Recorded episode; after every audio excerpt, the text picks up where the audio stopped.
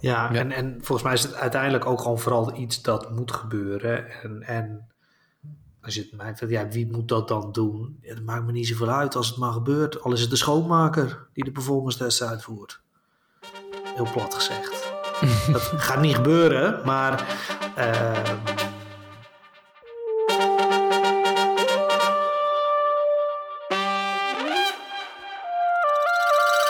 Welkom allemaal weer bij een aflevering van Codeklets.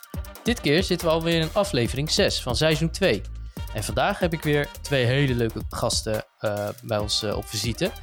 Uh, en die houden zich vooral bezig met test automation. Onze eerste gast is een goede kennis van mij die ik heb leren kennen tijdens een project bij Team Meulenhof, Paul de Witte. Welkom. Hi, goeiedag. Hey. hey. Ik, ik, zal je proberen te introduceren, maar vul me vooral aan hoor. Uh, hoe ik jou ken. Jij bent echt een uh, IT-entrepreneur. Ja. Dus uh, jij, ja, je houdt daar echt van. Valt mij op. Hè? Ene bedrijf naar het andere bedrijf ben je aan het oprichten volgens mij. Dus echt een entrepreneur, entrepreneur bij hart. ik ken jou ook als een echte test automation specialist. ja, je geeft ook vaak trainingen. Um, en ja, je bent ook een DJ hè? Ja, nog steeds inderdaad, ja. Ja, super, super. Ja. We moeten nog steeds even een keertje wat inplannen trouwens, maar goed. Ja, moeten we doen. Ja, en um, ja, je bent een uh, the father of three. Hè? Je hebt alweer drie kids. Klopt ook, we houden het erbij.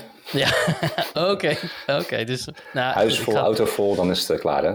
Ja, precies. Nou, ik zal verder ook niks over um, En uh, ja, je bent een echte creator at heart. Ja. Dus hey, welkom Paul, leuk dat je er bent. Ja, dankjewel. Ja, onze tweede gast is ook een uh, specialist op gebied van test automation. Um, ja, de meeste test automation developers uh, die kennen hem van YouTube en uh, ja, nog net geen radio geloof ik. Ofwel, ben je wel een keer op de radio geweest, Bas Dijkstra? Nee, nee, niet dat ik weet in ieder geval. niet dat je weet, ja. Nou goed, Bas Dijkstra, die kennen we natuurlijk Hè, eh, van de verschillende trainingen die jij geeft. En, uh, en natuurlijk de, de mooie blogs en uh, alle conferenties waar hij regelmatig spreekt. welkom Bas. Ja, dankjewel. Leuk dat ik, leuk dat ik aan mag schuiven. Ja, zeker. Ja, ik bedoel, dit onderwerp, hè, deze episode gaat over test automation. Aan wie moet je dan denken als je, en als je gaat googlen natuurlijk, dan zien we jouw naam in het Nederlands. Dus, dus we dachten, we nodigen je uit. Nou, tof. Leuk. Ja, zeker. Nou, als ik goed. Um, nou, om even gelijk uh, te beginnen. Um, ja, we, eh, het is heel normaal binnen Codeclass dat we iedereen even kort uh, ja, bevragen over van hoe ze begonnen zijn uh, met hun carrière. Of misschien wel daar eerder. Um, zal ik eens even met Paul beginnen. hoe is het allemaal begonnen bij jou? Hè? Van, is Test Automation echt heel snel begonnen of had je iets anders? Ja, ik ben eigenlijk ja, na informatica-studie ben ik eigenlijk een beetje automatisch in het testvak gerold. Ik ging werken bij een detacheringsbureau, Calcode destijds, uh, als functional tester. En um, ja, eigenlijk van daaruit zeg maar op een gegeven moment die transitie gemaakt richting automatisering. En dat had eigenlijk mee te maken. Ik had toen uh, een klein detacheringsbureau en een aantal van mijn mensen die werkten inderdaad, uh, die begonnen er net mee. In de tijd dat Selenium net opkwam en Seculi echt nog een ding was voor, de, voor Oracle Forms-achtige applicaties.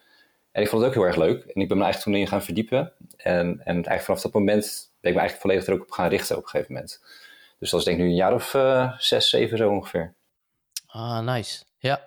En uh, heb, je, heb je daarvoor ook nog wel, hè, voordat je, hè, dus uh, voor je schooltijd, of misschien wel tijdens je schooltijd, nog een beetje aan het coden geweest?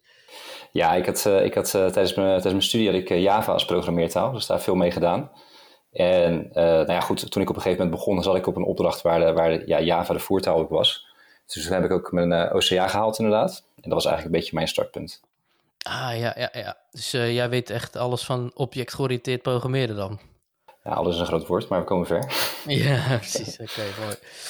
Nou, Bas Dijkstra, hoe, hoe is het bij jou allemaal begonnen?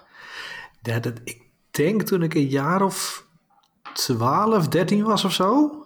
Nog niet zozeer met testautomatisering hoor. Dat, ik had geen idee wat dat was toen. Maar toen riep ik al van, uh, ik wil later programmeur worden.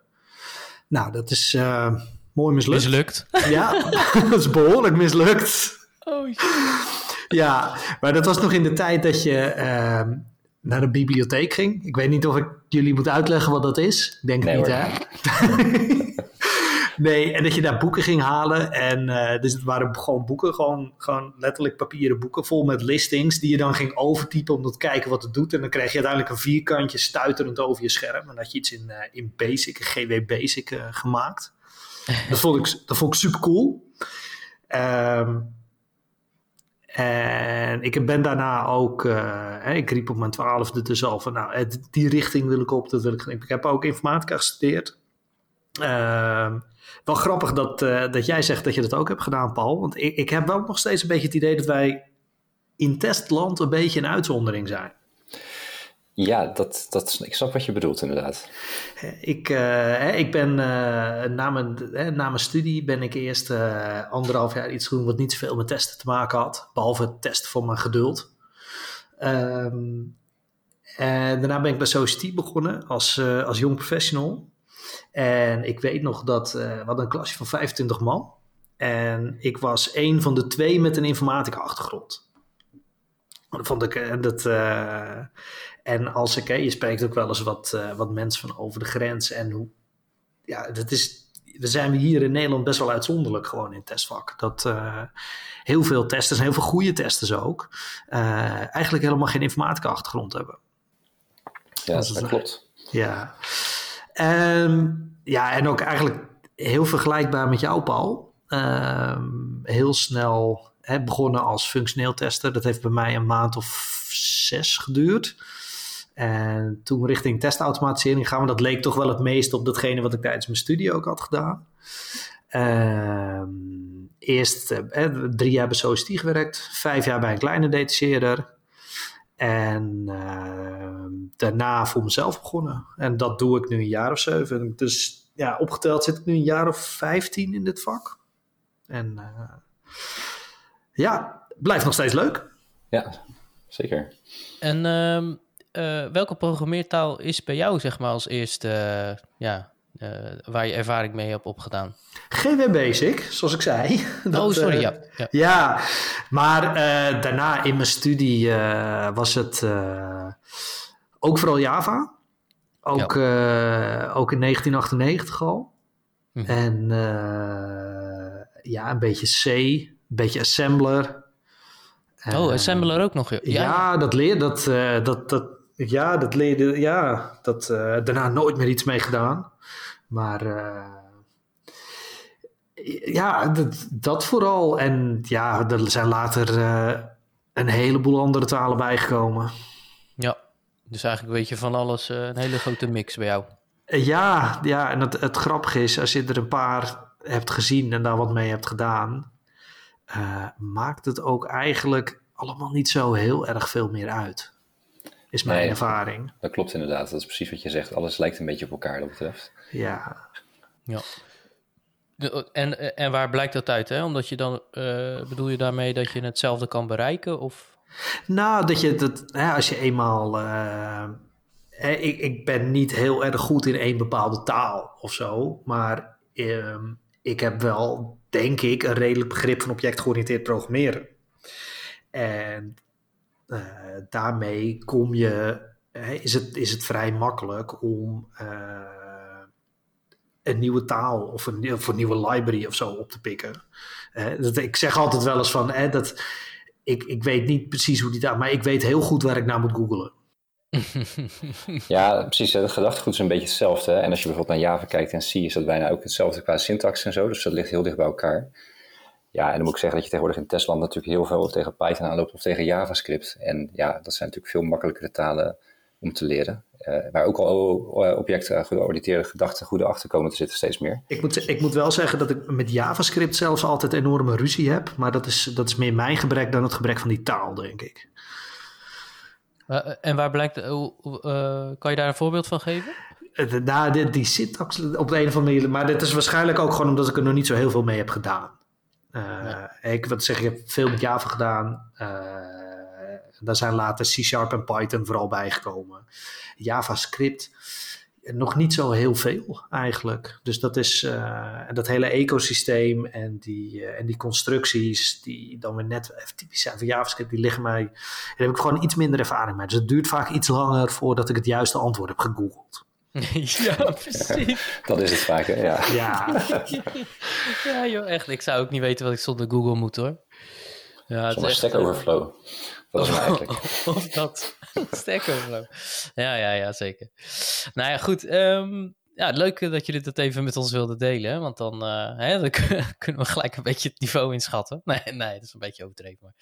Maar. Um, ja, ik, ik hoor, eh, ja, het, onderwerp test automation uh, is, is niet zomaar geland hier binnen CodeClets. Uh, er zijn wat discussies uh, vooraf geweest over van, goh, wat betekent test automation nou? En ehm, hè, wat, wat voor toegevoegde waarde heeft het?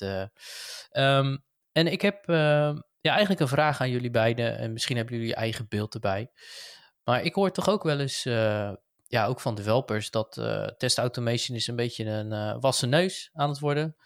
Um, hè, het geeft een bepaalde, ja, hoe heet dat?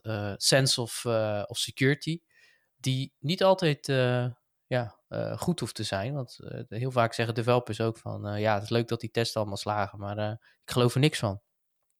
Wat is jullie beeld daarbij? Ja, ik denk dat dat eigenlijk ook heel erg te maken heeft natuurlijk met de kwaliteit van het testen. Van waar je je op focust, wat je moet testen, wat je wil raken. Uh, en het is natuurlijk heel makkelijk om eens te zeggen. Kijk, je hebt natuurlijk wel verschillende manieren, verschillende type organisatie testen, automatisering op verschillende manieren benaderen. maar ja, je hebt ook verschillende type testautomatiseerders. de mensen die kunnen coderen en de mensen die het niet kunnen. dat zijn allemaal verschillende competenties eigenlijk, die bijdragen zeg maar, aan, aan de kwaliteit van, van de manier waarop je gaat testen. En eigenlijk nog niet gesproken natuurlijk over welke aanpak je echt gaat gebruiken, welke technieken je toepast. Dus ja, het is, het is, het is een beetje, ja, die uitdrukking zelf, ja, het is een beetje een soort was, ja, ja, het is zelf niet zo heel sterk, vind ik eigenlijk. Ja, het, is een beetje wat je er zelf van maakt ook, denk ik. Het is hè, mijn ervaring wel, en dat is ook de ervaring uit mijn, uit mijn eigen verleden. Dat, dat gebruik ik graag als anekdote zo tegenwoordig. Het is ontzettend makkelijk om hele slechte tests te schrijven.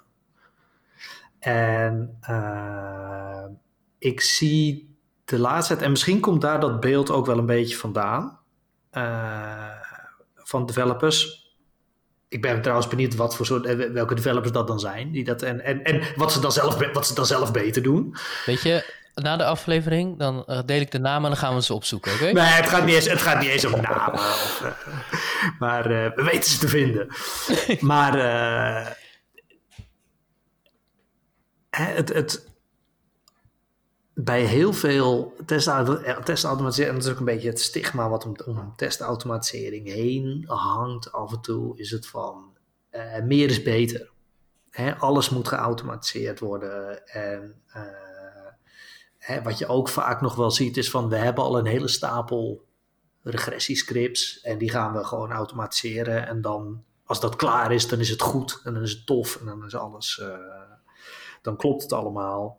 En dat werkt vaak gewoon helemaal niet. En uh, ja, terwijl je denkt, en dan zie je misschien inderdaad een mooi scriptje wat allerlei uh, groene vinkjes geven van je echt geen idee van ja, wat, wat vertelt dit mij nou eigenlijk?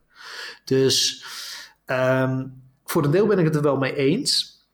Maar uh, ja, het is wel wat je er zelf van maakt. Uh, het kan, hè, als je het als je het goed doet. En ja, wat, wat is dan goed? Daar kun je er heel lang over praten.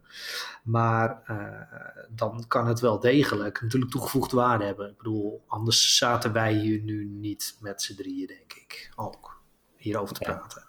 Ik denk, ik denk ook dat er een, een andere kant zit. Hè? Want um, precies wat jij zegt, Bas, dat is absoluut waar. Maar het, het, de valkuil voor de testautomatiseerder is dat hij het heel leuk vindt om te automatiseren. Ik ben er zelf ook schuldig aan.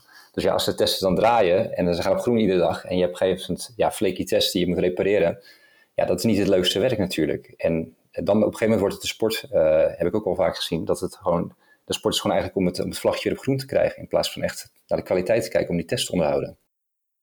Ja, en dan, dan, dan ontstaat die, uh, ja, hoe noemen we dat? Dit soort gezegdes, hè? Van, uh, joh, het, het, geeft een false sense of security. Um, en dan ziet men ook de return on investment op een gegeven moment niet meer. Nee. En dan, uh, ja.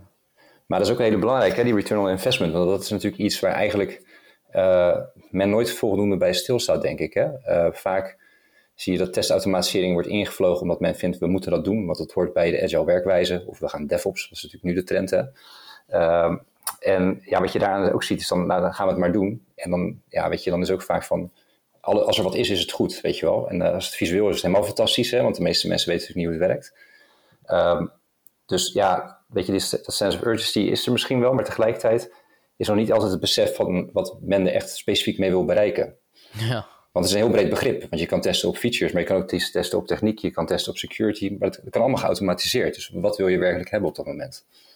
Ja, ja, dat is een beetje een uh, soort van checkbox die je moet hebben in je DevOps-transitie, uh, uh, zeg maar. Eigenlijk wel. Ja. Nou, ik, vind die, ik vind zelf die ROI wel een hele moeilijke hoor. Um, en dat, dat is een beetje omdat uh, het is zo ontzettend moeilijk te meten. En wat voor metrieken ga je daar dan bij gebruiken? Uh, hè, dat, hè, dat, ik, en, en waarom ik het zelf ook een lastige vind. Ik, ja, het is een middel om iets anders te bereiken. Uh, ja, zeker. Hè, om uiteindelijk wil ik gaat het mij allemaal om, hè, dat gaat het hele testvak over, gaat het om informatie verzamelen. En uh, testautomatisering helpt je hè, op bepaalde gebieden en bepaalde manieren om die informatie op een efficiëntere manier op te halen. Maar is, om daar dan een, hè, een, een ROI aan te knopen, behalve dingen, de dingen die het mogelijk maakt, uh, vaker releasen, kortere, kortere feedback loops, dat soort dingen ja, het, ik, ik, ik zie nog te vaak van die berekeningen van nou, we spenden zo, spenderen zoveel uur aan dit script automatiseren en als we dan al 16 keer gedraaid hebben, dan uh, hebben we het terugverdiend. Ja, dat is mooi. ja, dat, ik, heb dat soort, dat, ik heb dat soort sheets vroeger ook wel eens in moeten vullen. Dat, nee. Ja. Ik denk ook zelf dat, uh, ik heb een keertje een onderzoekje naar gedaan, dat die uh, return on investment kun je eigenlijk alleen maar bereiken als je een bestaande organisatie, al een, een bewezen testproces hebt wat je wil optimaliseren. Uh, anders is het altijd gewoon een investering voor een nieuw product of een nieuwe feature of een nieuwe service die gebouwd wordt. Uh, en dat, ja, dat is eigenlijk, uh, dat, kan je niet, niet in, in, geld uitdrukken, want je weet niet wat je gaat besparen. Nee, het is een middel om, om andere dingen voor elkaar te krijgen. En, en die andere dingen zijn de dingen die waarde opleveren. Uiteindelijk. Precies, ja. Ik bedoel, er is nog niemand ooit naar mij toegekomen. Mag ik van u 5 kilo testautomatisering, alstublieft? Oh, hey, in kilo's. Dat is echt. Ja, die heb ik nog. Ik heb wel eens gummibeers gebruikt, maar kilo's die vind ik wel echt. Uh, die vind ik heel sterk. Ja. Nee, uh, ja, het blijft natuurlijk lastig. Hè? Return on investment is natuurlijk een beetje de, de management uh, taal die natuurlijk gebruikt wordt om, om testautomatisering te verkopen. Um, alleen, ja, weet je, het, het blijft gewoon een, een, een, een, lastig begrip voor, voor degene die het leest. Hè? Um, Kijk, uh, zo'n manager die er echt totaal geen verstand van heeft, die, die denkt: wow, dat is gaaf, daar kan ik heel veel geld mee besparen. Terwijl wij misschien de kenners die, uh, die echt in het vak zitten, denken van nou, dat is die kosten, die, uh, die zijn inderdaad misschien in het begin een beetje hoog, maar heb je wel eens nagedacht, of laag, maar heb je wel eens nagedacht over wat, er, wat voor legacy je dan achterlaat? En dan, en, dan op, en vooral als je het ook verkeerd hebt, in hebt gezet, dus daar bedoel ik mee, wat je vaak ziet is dat men test automation engineers zeg maar naast het team zetten die uh, ja, de boel automatiseren. En uh, ja, dat, dat, uh, dat levert natuurlijk een heel ander beeld op. Ja, dat klopt. En ik, ik moet ook zeggen, ik, ik doe vaak trajecten waarbij ik gevraagd word zeg maar, om inderdaad het, het testautomatiseringsproces op te zetten en in te richten. Dus zowel op proces- en technisch niveau. En eigenlijk um, uh, is dit gewoon echt een verkoopverhaal. Dus eigenlijk het enige wat je, wat, je, wat je echt duidelijk kan maken is de toegevoegde waarde van de testen, van de toetsen van die kwaliteit. Welke, welke risico's zijn we nou eigenlijk aan het mitigeren? Dus uh, dan kan je praten over, over financiële schade, over, over uh, data die op straat komt te leggen, over, over, over dat soort zaken. en ja, weet je, als je over dat soort dingen praat, is mijn ervaring, dat dat leeft binnen bedrijven. Want dat, daar zijn ze gevoelig voor. En als je, dat, als je daar naartoe kan werken, zeg maar, in je verhaal, dan over het algemeen is mijn, ja, kan ik ze meestal wel overtuigen daarover. Ja. Ja, en soms ook wel, dan moet je ook wel eens het team overtuigen, hè? want dat, dat, dat is ook soms uh, wat er vaak speelt. Hè? Dat, Altijd, uh, ja. Ja, ook op technisch niveau, maar ook op uh, in hoeverre ja, jij je, je, proces kan doen aansluiten zeg maar, op, op hun software development lifecycle. Dat zijn allemaal zaken die je dan inderdaad weer echt even moet bewijzen. En sowieso is geen enkele organisatie hetzelfde, dus je moet sowieso eerst een soort POC doen natuurlijk, om te kijken wat, wat werkt en wat niet. En, en Bas, wat is, wat is jouw ervaring tot nu toe om, om zeg maar ja, hè, te starten ergens bij, bij een organisatie, maar ook om je team zeg maar mee te krijgen hierin?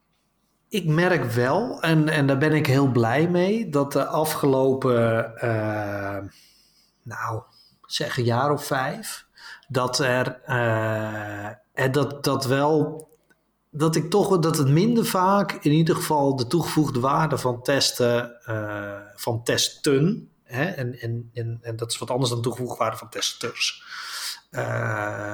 hoeven te verkopen. Uh, gewoon dat, ja, dat, dat, het leeft. Ik, ik vind het makkelijker. Ik vind het wat dat betreft makkelijker dan een, dan een aantal jaar geleden. Omdat mensen inmiddels ook wel doorhebben, vaak, dat je. En misschien heb ik gewoon geluk gehad hoor, bij de, bij de, uh, bij de organisaties waar ik mee heb gewerkt de afgelopen jaren. Dat zou heel goed kunnen. maar ik merk over het algemeen wel dat testen volwassener is geworden en dat we daar best wel stappen in hebben gemaakt. Dat dat ook wel makkelijk te. Het is alleen. Ja, het is toch vaak wel nog steeds het eerste wat in de knel komt op het moment dat de tijdsdruk een beetje hoger wordt. Uh, vandaag ook weer een mooi voorbeeld gehad in een gesprek met een team die zei van ja, we willen heel graag en ook we willen heel graag meer en beter met testautomatisering doen. Maar uh, ja, de, de business loopt van buiten alleen maar op features te drukken. En daar hebben we nog vaak wel mee, hè, dat mensen zeggen van we willen het wel. En ja, we vinden het belangrijk, dat testen. En ja, we zien ook dat die testautomatisering, hè, dat we dat wel nodig hebben voor, hè, uh, voor een stukje uh, continuïteit, en voor een stukje vangnet en voor het versnellen, het verkorten van die feedback loop. Ehm, maar zodra je zich dan gaat vertellen dat je er ook echt in moet investeren en niet alleen eventjes, hè, wat je zegt, dat voorbeeld van die uh, externe testautomatiseerders die uh, volledig buiten het team een set bestaande test gaan automatiseren. Ik kom af en toe nog tegen, uh, daar word ik wel een beetje verdrietig van.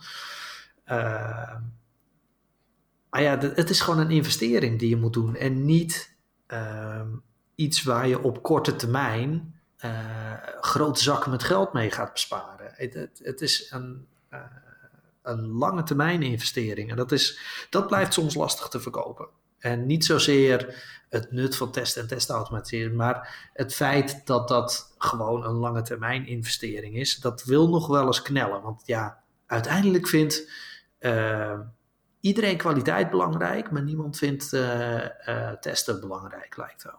Mm, ja, ja, dat is een interessante observatie, ja.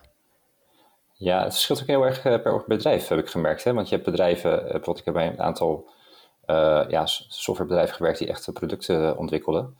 Ja, die zijn natuurlijk gewoon echt, uh, ja, techniek, dat, dat omarmen ze natuurlijk gewoon. zit je bij een ING, dat, die noemt zichzelf een IT-organisatie, dus dat is, dan werken ze ook echt, nou ja, DevOps Spotify was de eerste, ik weet niet of ze het nog steeds doen op dit moment. Maar zit je bij andere organisaties die misschien wat klassieker zijn, uh, die willen gewoon uh, mee met de trend, uh, om het even zo te zeggen, meedoen met de ontwikkeling. Dus we gaan agile, we moeten richting DevOps. En in die, term is DevOps ook nooit echt DevOps, maar is het gewoon een soort technisch toeltje. Um, en, en wat je daar vaak ziet, is dat men dus wel al dat soort processen gaat inrichten, maar niet binnen één team. Bijvoorbeeld als ze dat binnen verschillende afdelingen onderdelen beleggen van de, van de pipeline, zo gezegd. Uh, en daar, ja, dan zie je dan ook vaak dat daar dus ook tests automatiseerd zitten die dan oplossingen en beslissingen uh, uh, nemen of denken, moet ik zeggen die, ja, die eigenlijk volledig losstaan zeg maar, van wat, wat, wat ontwikkelteams aan het doen zijn, bijvoorbeeld.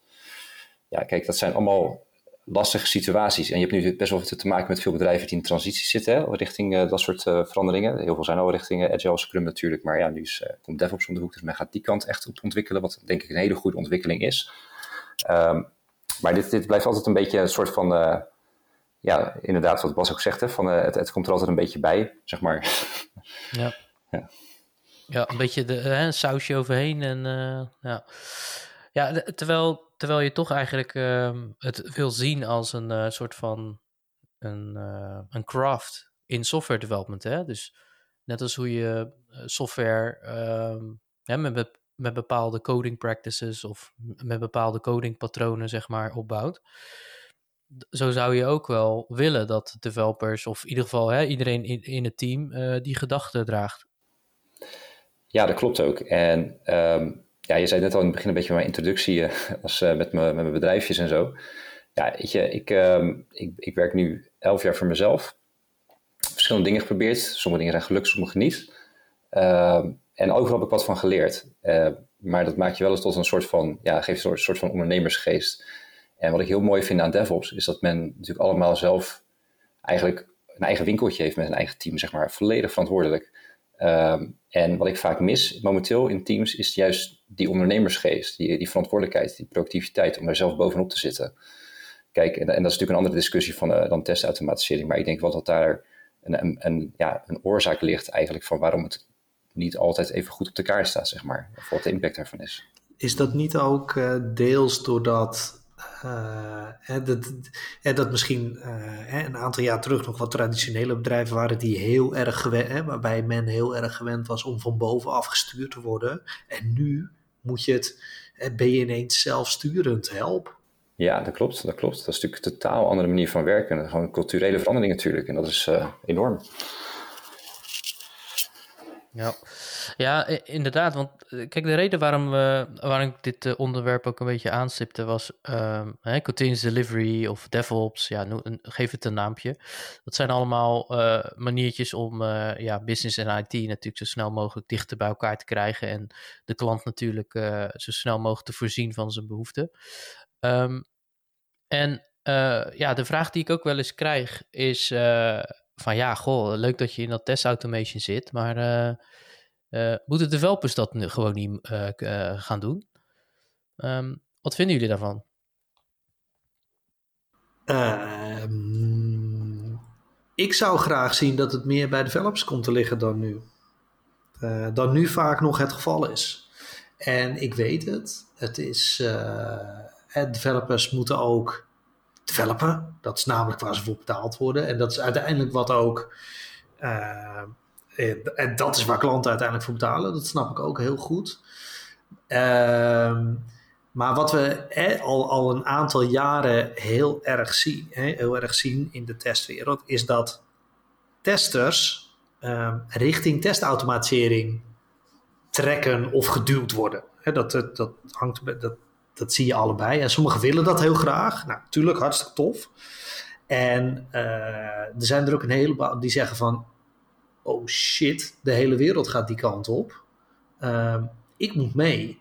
En wat ze dan nog wel eens vergeten is dat het... Ja, je bent nog steeds met testen bezig. Maar je bent daarnaast ook met software development bezig.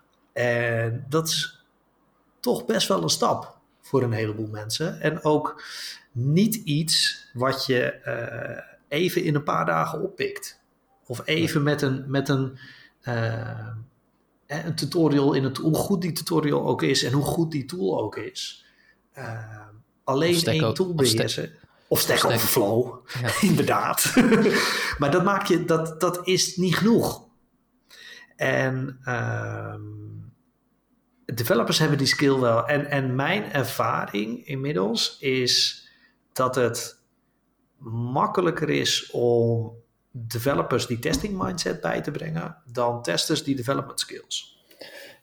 Ja, daar ben ik het wel mee eens hoor, want het is uh, niet voor iedereen weggelegd om, uh, om natuurlijk te kunnen programmeren. Dat, uh, dat, ja, weet je, niet iedereen is, is een, is een wiskundeknobbel, niet iedereen is een talenknobbel bij spreken. Dat geldt voor programmeren net zo. Um, en dat is een hele grote stap. En ja, het testproces in Nederland is inderdaad um, echt, echt, iets, echt altijd natuurlijk iets heel functioneels geweest. Ik weet nog bij mijn eerste opdracht ooit, ja, dat, dat was mijn meest technische tool die ik had, was Excel. En dat, echt tot uh, vele frustraties uh, heb ik daarover gehad. Maar weet dat, ja, dat, dat zag je toen heel erg. En nu zie je inderdaad die trend ontstaan. Maar wat mij eigenlijk heel erg opvalt, is dat je eigenlijk binnen Nederland twee soorten testautomatiseerders aan het krijgen bent. Als je dan puur praat over die rol, los van alle performance testers en zo.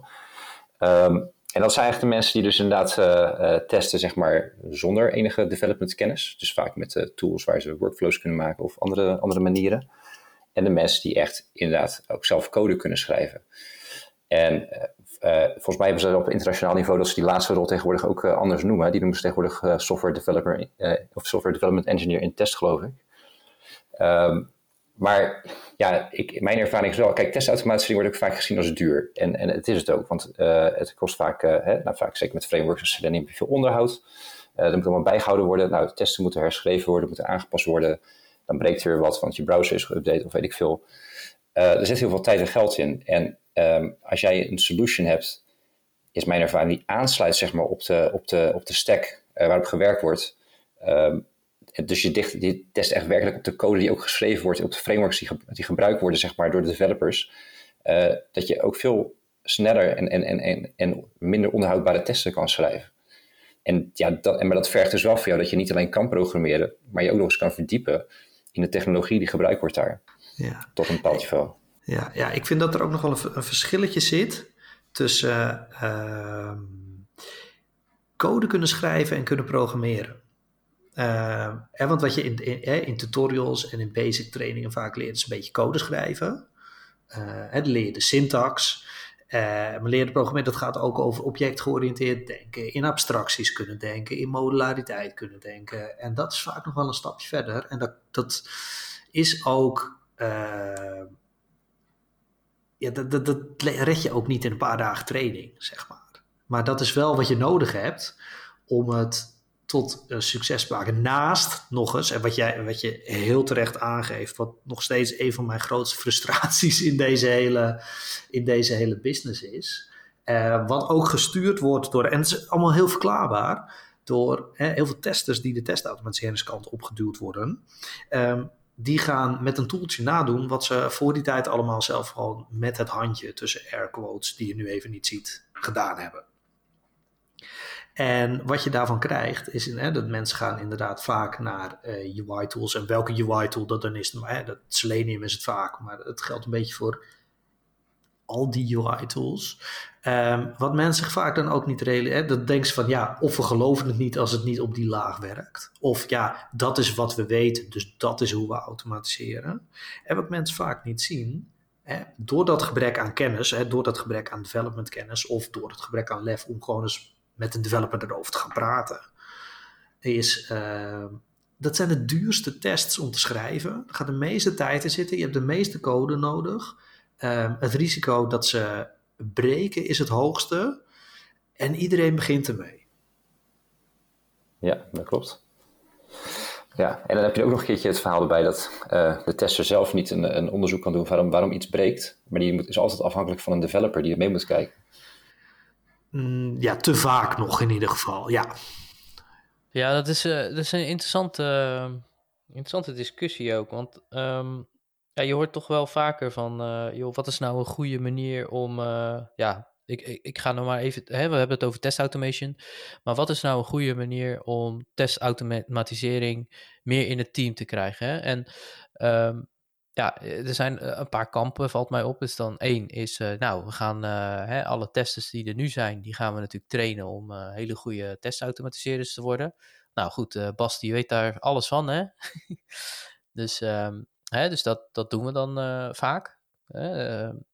en je hebt natuurlijk een kamp die zegt, ja, maar dat is hartstikke leuk en aardig, maar dat gaat nooit vliegen. developers die moeten dat maar gaan doen. En um, op zich is voor allebei, als ik jullie zo hoor, hè, is wat te zeggen.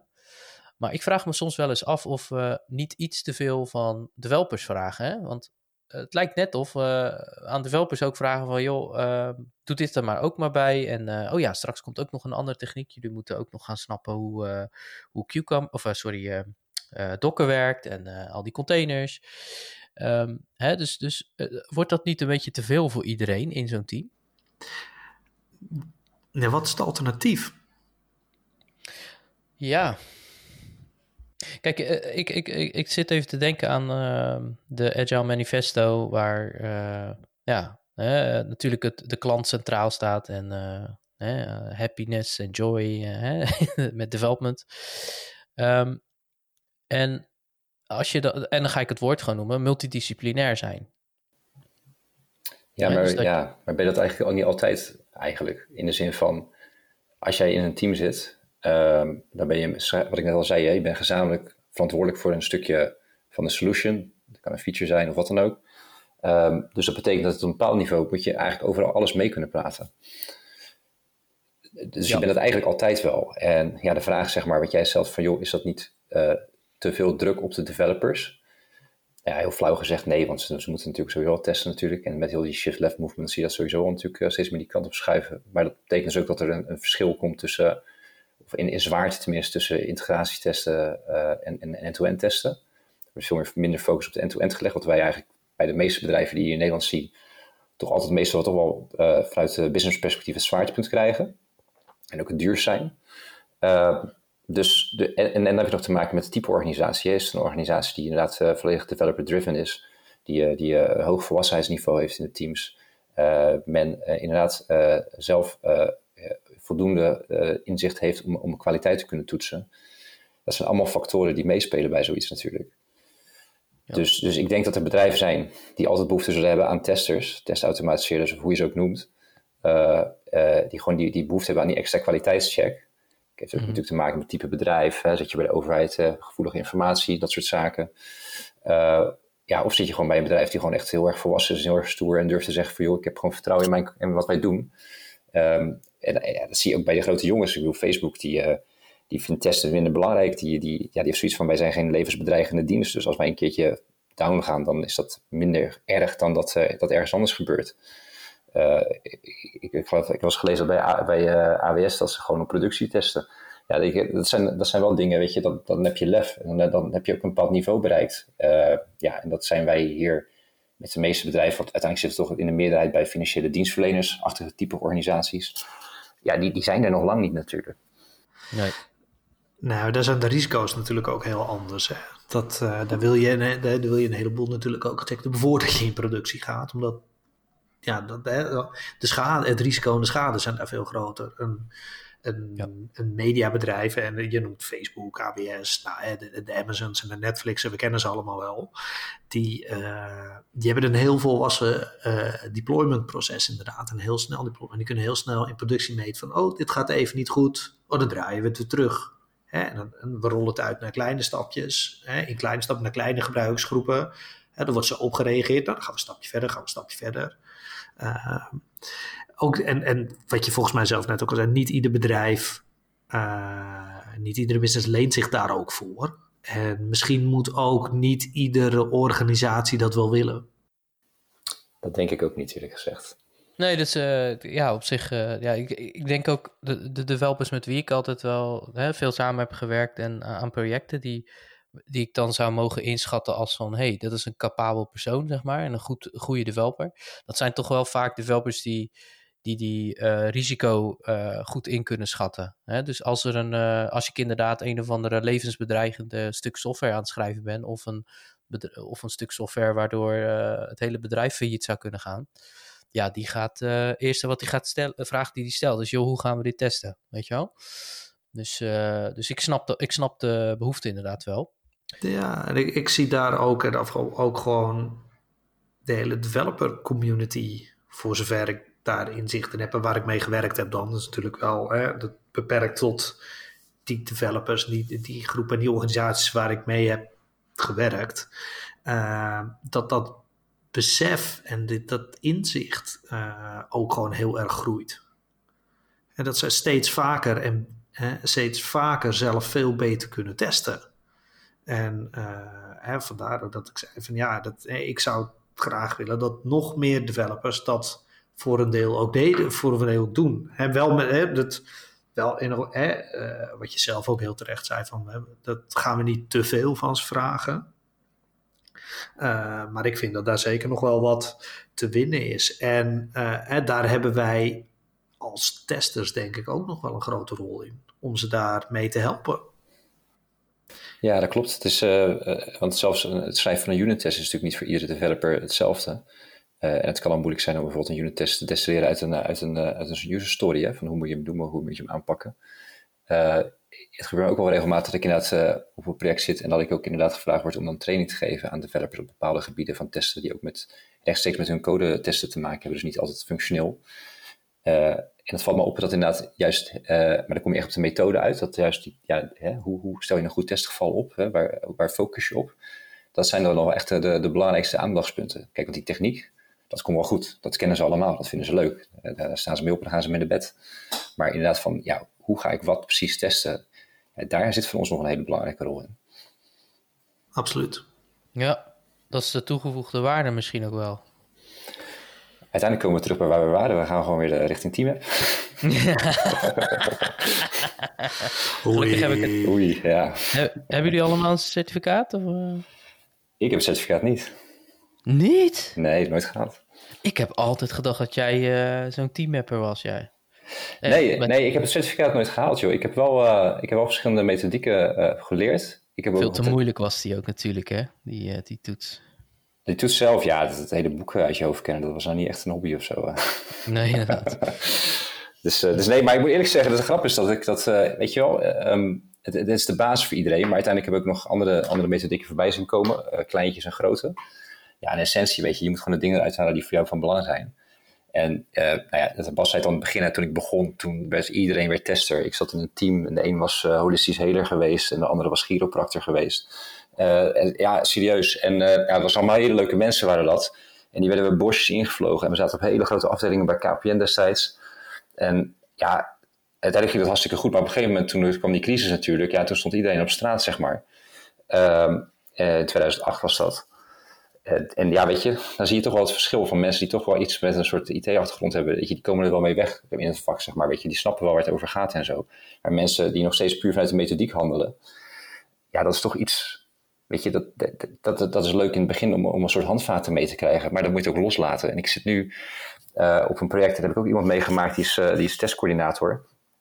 En die persoon die, uh, ja, die, die, weet, die merkt gewoon, die moet gewoon, wat Bas net ook als voorbeeld gaf, die, werd, die wordt gewoon gepusht richting de automatisering en die wil dat gewoon niet.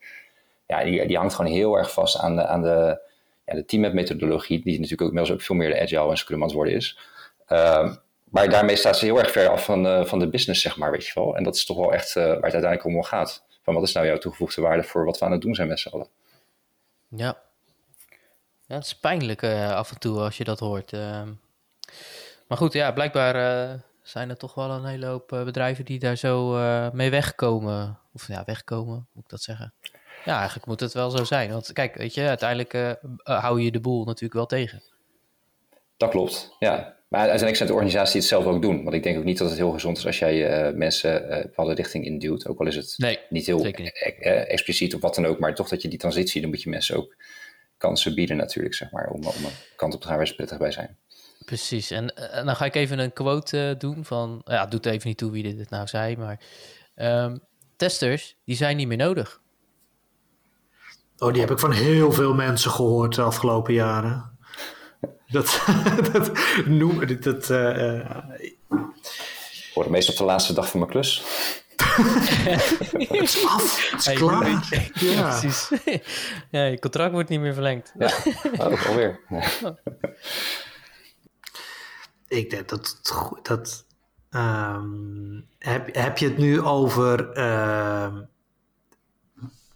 de, de, de taak of de rol, echt de functie, zeg de, Ja, precies. De, de rol, de functie, de, ja, hoe noem je dat? De reden ja. waarom je zeg maar in een team bent. Dat is Geluk, dus tester. Ja, dat gelukkig maar. De, de, de, de, de taak, hè, de activiteit, die gaat hopelijk niet verdwijnen. Dat, uh, dat, dat, dat Oké, dat we daar even over eens zijn.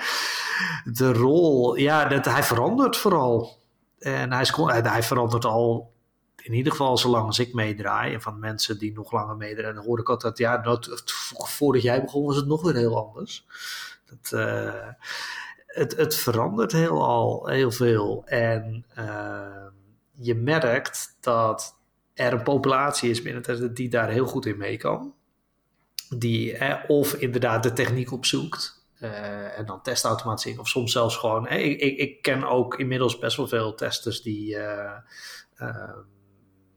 developers zijn geworden, omdat het ze uiteindelijk heel goed lag. En, en er zijn ook anderen die gaan meer misschien de, de, de, de business kant op of de, of de, de, de procesondersteunende kant noemen Scrum Master, Agile Coach, PO, dat soort dingen.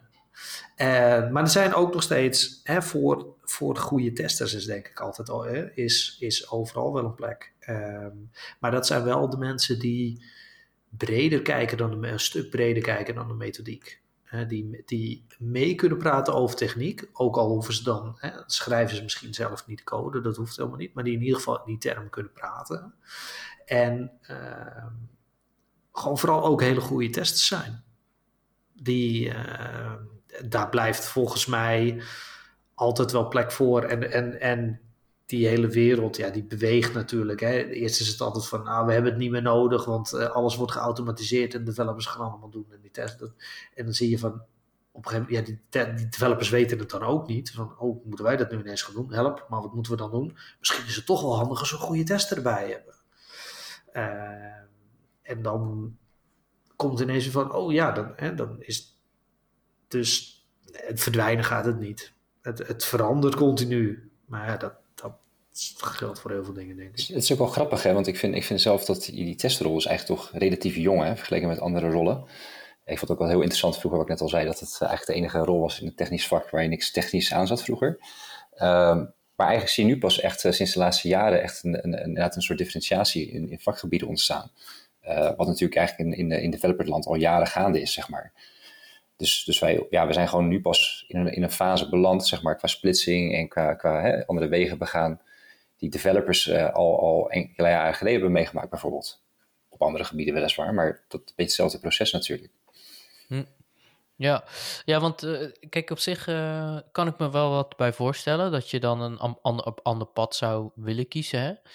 Maar als je het hebt over continuous, of nee, ik moet eigenlijk zeggen DevOps en ehm, ja, noem het maar even de nieuwe de new way of working. Um, waar eindigt dat? Ja, eindigt. Uh, waar kan je naartoe groeien dan als tester? Waar kan je naartoe groeien?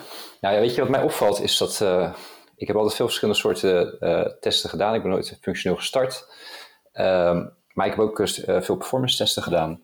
En wat mij heel erg opvalt, is dat ik de laatste tijd ook wel gevraagd word om tijdens mijn werk als testautomatiseerder op een project naast al het, al het uh, normale gangbare werk, zo gezegd, ook bijvoorbeeld al een klein stukje security testen mee te nemen. En dat is bijvoorbeeld niet, geen specialisatie van mij, absoluut niet zelfs. Maar ja, het is natuurlijk wel heel makkelijk om bepaalde uh, laagdrempelige uh, security dingen om mee te nemen. Zodat men ook zeker weet in, bepaalde releases dat bepaalde zaken toch wel afgedekt zijn. En dan praat je over uh, zaken als SQL-injectie of, of juist certificaten erop. Dat, soort, dat zijn natuurlijk ook een vorm van security testjes.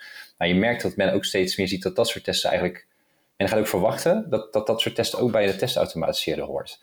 Dus in die zin zie je ook weer een ontwikkeling ontstaan. Het vak dat testautomatiseren eigenlijk een specialist, moet zijn, maar tegelijkertijd ook een soort van brede scope of verschillende type testen moet kunnen hebben. En dat is, ja, weet je, ik denk niet dat dat, uh, uiteindelijk zou er daar ook weer splitsing in zijn en, en meerdere specialisatie in ontstaan. Maar dat is wel een interessante beweging natuurlijk, want ja, het is natuurlijk een heel, ja, ik zei net al, is een heel breed begrip testautomatisering. En voor ons is dat tegenwoordig natuurlijk het automatiseren van je, van je je technische en je functionele tests, zo gezegd, in de, in de sprints.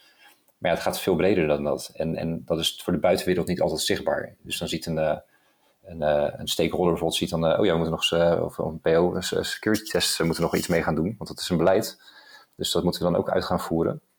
Oh, we hebben een testautomatiseren. Joh, kan je niet alvast wat testjes doen voordat wij partijen zoals Fox IT invliegen of zo bijvoorbeeld? Dat we alvast zeker weten dat we dingen hebben. Of dat we inderdaad dus in de pijplijn wat standaard dingetjes mee hebben lopen.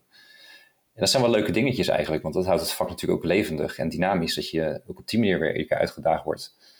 Dus ik denk wel dat het vooral heel belangrijk is dat je ook echt wel, uh, echt wel een soort liefde voor het vak hebt. En dan met het vak bedoel ik dan ook echt wel de, de, de, materie waar je in werkt, dus de, de, de code, de technologieën die gebruikt worden.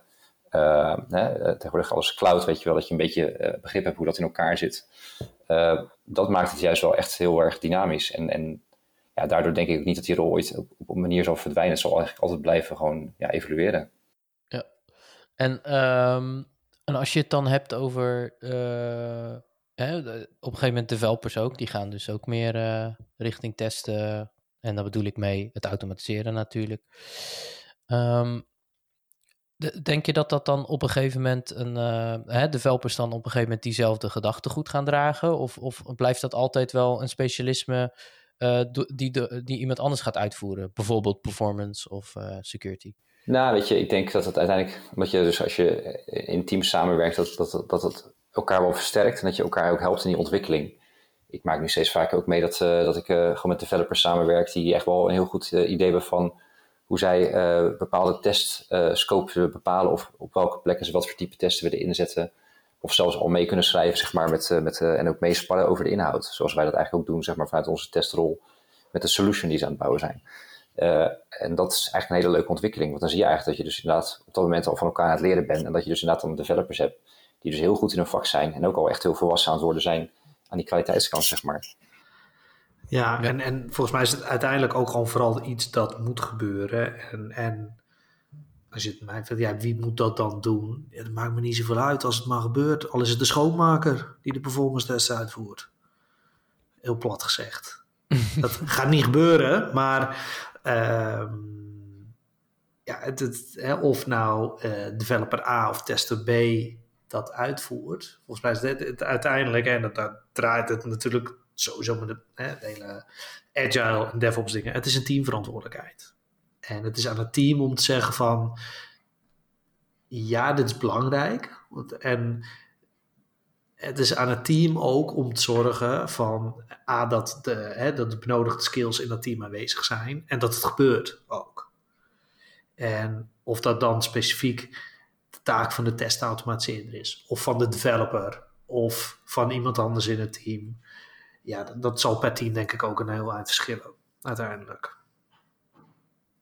wie het, wie het leuk vindt, wie die skills heeft, wie die interesse heeft ook vooral. Het is vaak interesse en motivatie vaak nog veel belangrijker dan puur die skillset. Ja. Ja, precies. Dus eh, die, verbreding die, moet, die moet je zeker op willen zoeken als dat inderdaad een noodzaak voor is. Ja, dat maakt je ook beter in je vakken uiteindelijk uh, zelf. Je, bijvoorbeeld als jij, we hadden het straks eventjes over de uh, test op de code. Kijk, als je op de, code, op de code kan testen, dan weet je ook zeg maar, waar potentiële bottlenecks zullen ontstaan, bepaalde pijnpunten liggen. Ja, dat maakt je ook veel sterker in je vak. En dat geldt andersom natuurlijk ook. Als men weet van waar vaak uh, uh, ja, de crux zit zeg maar, in de testen, ja, dan, dan kan een developer daar gelijk al zeg, zijn pijl op richten met zijn eigen testen en dergelijke. Ja. Wat vinden jullie ervan om, hè, stel dat je bij een organisatie werkt en die, die zegt ik schrap alle titels, iedereen is developer. Of uh, wat is het? Engineer. Wat, uh, zou je dat uh, oké okay vinden? Ja, geef het beestje een naampje, dat maakt me niet zoveel uit hoor. Nee hè? Nee, Same. Het, je moet doen wat je zegt. Eigenlijk wat ik, wat ik net zei. Eh, wie het doet en wat voor labeltje eraan hangt. Wat diegene, het, wat diegene op zijn of haar visitekaartje heeft staan. Staat het nog trouwens, visitekaartjes? Moet ik dat uitleggen aan de luisteraars wat het zijn? Heel lang geleden. Nee. Ja, vroeger. Ja. Um, maar nee, dat, dat, is, dat, dat vind ik persoonlijk niet een hele interessante discussie. Wie dat nee. nou... He, uiteindelijk het, het, het afhankelijk van wat je product is en welke kwaliteit eraan moet hangen, moet je bepaalde dingen doen. En maak jij, zeg jij van wij gaan agile werken, wij gaan DevOps doen. Wij gaan, hè, dan is dat team daar voor een heel groot deel verantwoordelijk voor. En dan moeten ze het ook regelen. En wie het dan doet, maakt niet zo uit. Nee, precies. Ja, en uh, hè, zorgen dat je, dat je de juiste kennis natuurlijk aan boord hebt. En als je dat dan niet hebt, ja, dan, uh, hè, dan kan je altijd nog uh, experts eventueel nou, invliegen. Hè, om op weg te helpen, maar dan is het nog steeds een teamverantwoordelijkheid. Ja, want ook die, hè, dat is ook, uh, ik weet niet of we nou heel erg, maar hè, die experts invliegen. Vlieg dan alsjeblieft wel de experts in die, en dat is natuurlijk van tevoren heel moeilijk om te bepalen, maar die je meenemen daarin. Hè, dat vind ja. ik ook als, hè, ik ben zelf al 15 jaar lang externe overal. Um, dat heb ik wel moeten leren ook, maar uh, als ik bij een team kom, ik ga het niet meer voor ze doen. Ik ga, ze, ik ga ze helpen. Ik ga ze uh, handvaart geven. Maar uh, dat. Uh, ja, dus, dat, is meer, dat is meer het coachingmodel waar je het over ja, hebt. Ja, nou, ook daar weer geef het een naampje. Um, maar ehm, uiteindelijk moet dat team het gaan oppakken. En dat. Hè, natuurlijk kun je ze een heel eind op weg helpen. Maar zij weten wat er moet gebeuren. Zij weten belang. En. en hè, een, een, een vrij consequente eigenschap van externe is dat ze op een gegeven moment weggaan. Ja, en wat dan? Ja. ja. Ik, ik moet ook zeggen, ik zeg dat ook altijd als ik bij een nieuwe klant begin. Dan geef ik dat ook mee van, ja jongens, de bedoeling is dat jullie dit een jaar gewoon zelf kunnen. Ik ga het opzetten, ik ga jullie mensen helpen, ik ga ze trainen en begeleiden om de job. maar na een jaar dan staat alles, hopelijk. En dan, uh, ja, dan wil ik gewoon afzwaaien, zeg maar. Oh, dat zouden meer mensen moeten doen. Ja, en ik merk ook inderdaad dat klanten er altijd heel erg uh, positief op reageren. En ik besef me ook echt wel dat, dat dit niet iets wat iedereen zegt, maar ik meen het ook oprecht. Want um, ik heb ook wel een klus gedaan van drie jaar. Uh, dat was dus mijn eerste klus. Ja, weet je, dat soort trajecten zijn niet echt heel leuk. Op een gegeven moment ben je gewoon lopende bandwerk aan het doen. En ja, ik ben wel een creatieve persoon, dus ik vind het heel leuk als ik mee kan denken en ik kan helpen met een solution. Ik geloof er ook echt in. Um, maar als het dan staat, dan staat het. En dan heb, denk ik, dan heb ik mijn werk gedaan. En pas ook op het moment dat ze het zelf kunnen natuurlijk. Maar ja, dan, dan is voor mij het hoofdstuk wel afgesloten. En dan ga ik verder. Ik denk dat het een hele gezonde houding is ook. Dat, uh, nog, het zouden meer mensen moeten doen. Ja, oké, maar dat, dat zijn meestal inderdaad hè, als je een consultant of externe bent. Maar er zitten natuurlijk ook nog steeds een hele hoop mensen die, uh, die gewoon in een bedrijf zitten, die uh, ja, het vak zeg maar. Ja. Hè, en natuurlijk ook nog steeds productie moeten blijven draaien. Dus die hebben, die hebben natuurlijk niet de luxe om te zeggen van nou, ik, uh, ik zet het neer, mijn performance stats. Nou, en ik ga een heleboel, heleboel uh, organisaties tegenwoordig kun je daar zelf, uh, hè, volgens mij hebben ze daar hele mooie termen intrapreneur voor. Oh, die ken ik niet. Dat, hè, de, ja, gewoon hè, het, het ondernemend zijn Terwijl je gewoon ergens bij een bedrijf in loondienst Ah, yes, yes, yes. Oké. dus, uh, ik, en ik denk dat daar in, in, in heel veel organisaties uh, ook best wel ruimte voor is. En dat die organisaties dat ook best wel af en toe meer zouden mogen stimuleren. Ja. Dat soort dingen. Beetje dat, beetje dat, wat meer dat gedachtegoed. Ja, dat zie je ook wel eens met de titels, hè? Van, uh, dat je dan op een gegeven moment een principal engineer wordt. Of, uh, ja, bijvoorbeeld. Ja, hè? Dus, uh, dus niet zozeer... Ja, kijk, senior kan natuurlijk ook altijd, maar... Maar, ehm, maar als je dus inderdaad de capaciteit hebt om anderen, wat je net zo mooi zegt, mee kan nemen in je, ja, in je kennis. En uh, het ook zodanig kan neerleggen dat er dan op een gegeven moment een fundatie ontstaat uh, en dan door kan naar het volgende. Ja, maar dat is wel een interessant punt wat jij zegt. Ik, uh, ik heb uh, toen ik uit het testvak ging bij Calco, heb ik een tijdje lesgegeven aan de Haagse Hogeschool in testen. Ehm, en um, ik heb er ook een pedagogische opleiding gedaan. En het leuke daarvan is dat ik echt wel heb geleerd hoe je een, training moet geven. En dat is best wel moeilijk. En het is, je hebt mensen die zijn ontzettend goed in een vak, dat weet Bas ook. Maar iets overbrengen, dat is echt een andere sport. En ja, uh, we hebben het nu over, over testautomatisering uh, in, uh, ja, in zo'n mooiste vorm. Hè. We zetten iets neer, iets van de grond, weet je wel. Het moet, moet goed staan, het moet helemaal aansluiten wat, er is. En dan moeten we ook nog eens kunnen overdragen. Dat zijn, je vraagt best wel wat van een, van een, ja, een specialist op dat moment natuurlijk. Hè. En dat, dat, is niet voor iedereen weggelegd. En dat maakt het ook zo moeilijk. want niet iedereen is in staat is om, om die kennis over te dragen op een, op een goede manier. Ja, helemaal mee. En ik denk dat uh, Bas daar uh, uh, natuurlijk ook ruime ervaring mee heeft. hoe is het jou afgegaan de laatste tijd? Ehm, nou, ik heb de afgelopen jaren heel veel trainingen gedaan. Ik heb daar net weer even een Ik doe daar net sinds een paar maanden weer even, even een stapje terug in. Ik heb het bijna fulltime gedaan, een, een jaar lang. Ehm, ja, de, die behoefte is er wel bij heel veel mensen om te zeggen van nou, dat we willen hier toch meer mee. En, uh, maar ja, ik heb, en ik heb dat ook moeten leren. Ik heb uh, niet zo, uh, Paul, jij zegt, je hebt een pedagogische opleiding gehad. Um, af en toe denk ik van, daar, zou ik, daar zou ik ook meer mee moeten, wat, wat meer aandacht aan moeten besteden. Maar voorlopig kom ik er nog mee weg. zonder, die, zonder die wat meer formele achtergrond met, met trainingen en workshops die ik doe. Maar uh, ja, dat heb ik ook wel echt moeten leren. Om, uh, hè, en, en uh, ik, ik, hoor gelukkig van andere trainers ook dat ze dat ook heel erg moeten leren. En, en ook gewoon het, het, het zelf beseffen dat de eerste keer dat je een training of een workshop doet, dat dat dit is niet de beste die je gaat doen. Het is niet de beste. dat, dat moet ook groeien en, en, en je, je, je oefeningen moeten groeien. En je verhaal moet groeien. En dat is bij mij nu. Uh, dat groeit toch steeds. Elke keer als ik een training of een workshop doe of een presentatie ergens, dan wordt het weer een stukje beter. Ja. En uh, wat wel heel fijn is, denk ik, en dat, dat heb jij uh, volgens mij precies hetzelfde, Paul, is dat je, um, je komt wel echt uit het vakgebied. En ik denk hè, dat uh, ik put heel vaak met anekdotes of met voorbeelden of met oefeningen uit wat ik zelf eerder bij klanten heb gezien of wat ik heb gedaan. Ja, dat is waar. Ik, ik, ik uh, zal je vertellen, ik uh, zal je... Oh, sorry. ik kom een breken. Nee, ga verder. Nee, ik, ik, ja, ik, ik zo eens te binnen. Want ik, ik, ik vertelde het even kort. Ik, had, dus, ik heb dus een tijdje lesgegeven na zo'n school. Dat was echt voordat ik voor mezelf begon. En het leuke was, ik, ging, ik heb daar ook toen gestudeerd vroeger. En ik ging eigenlijk uh, docentschap overnemen van mijn oud docent van vroeger, waar toen ik zelf studeerde.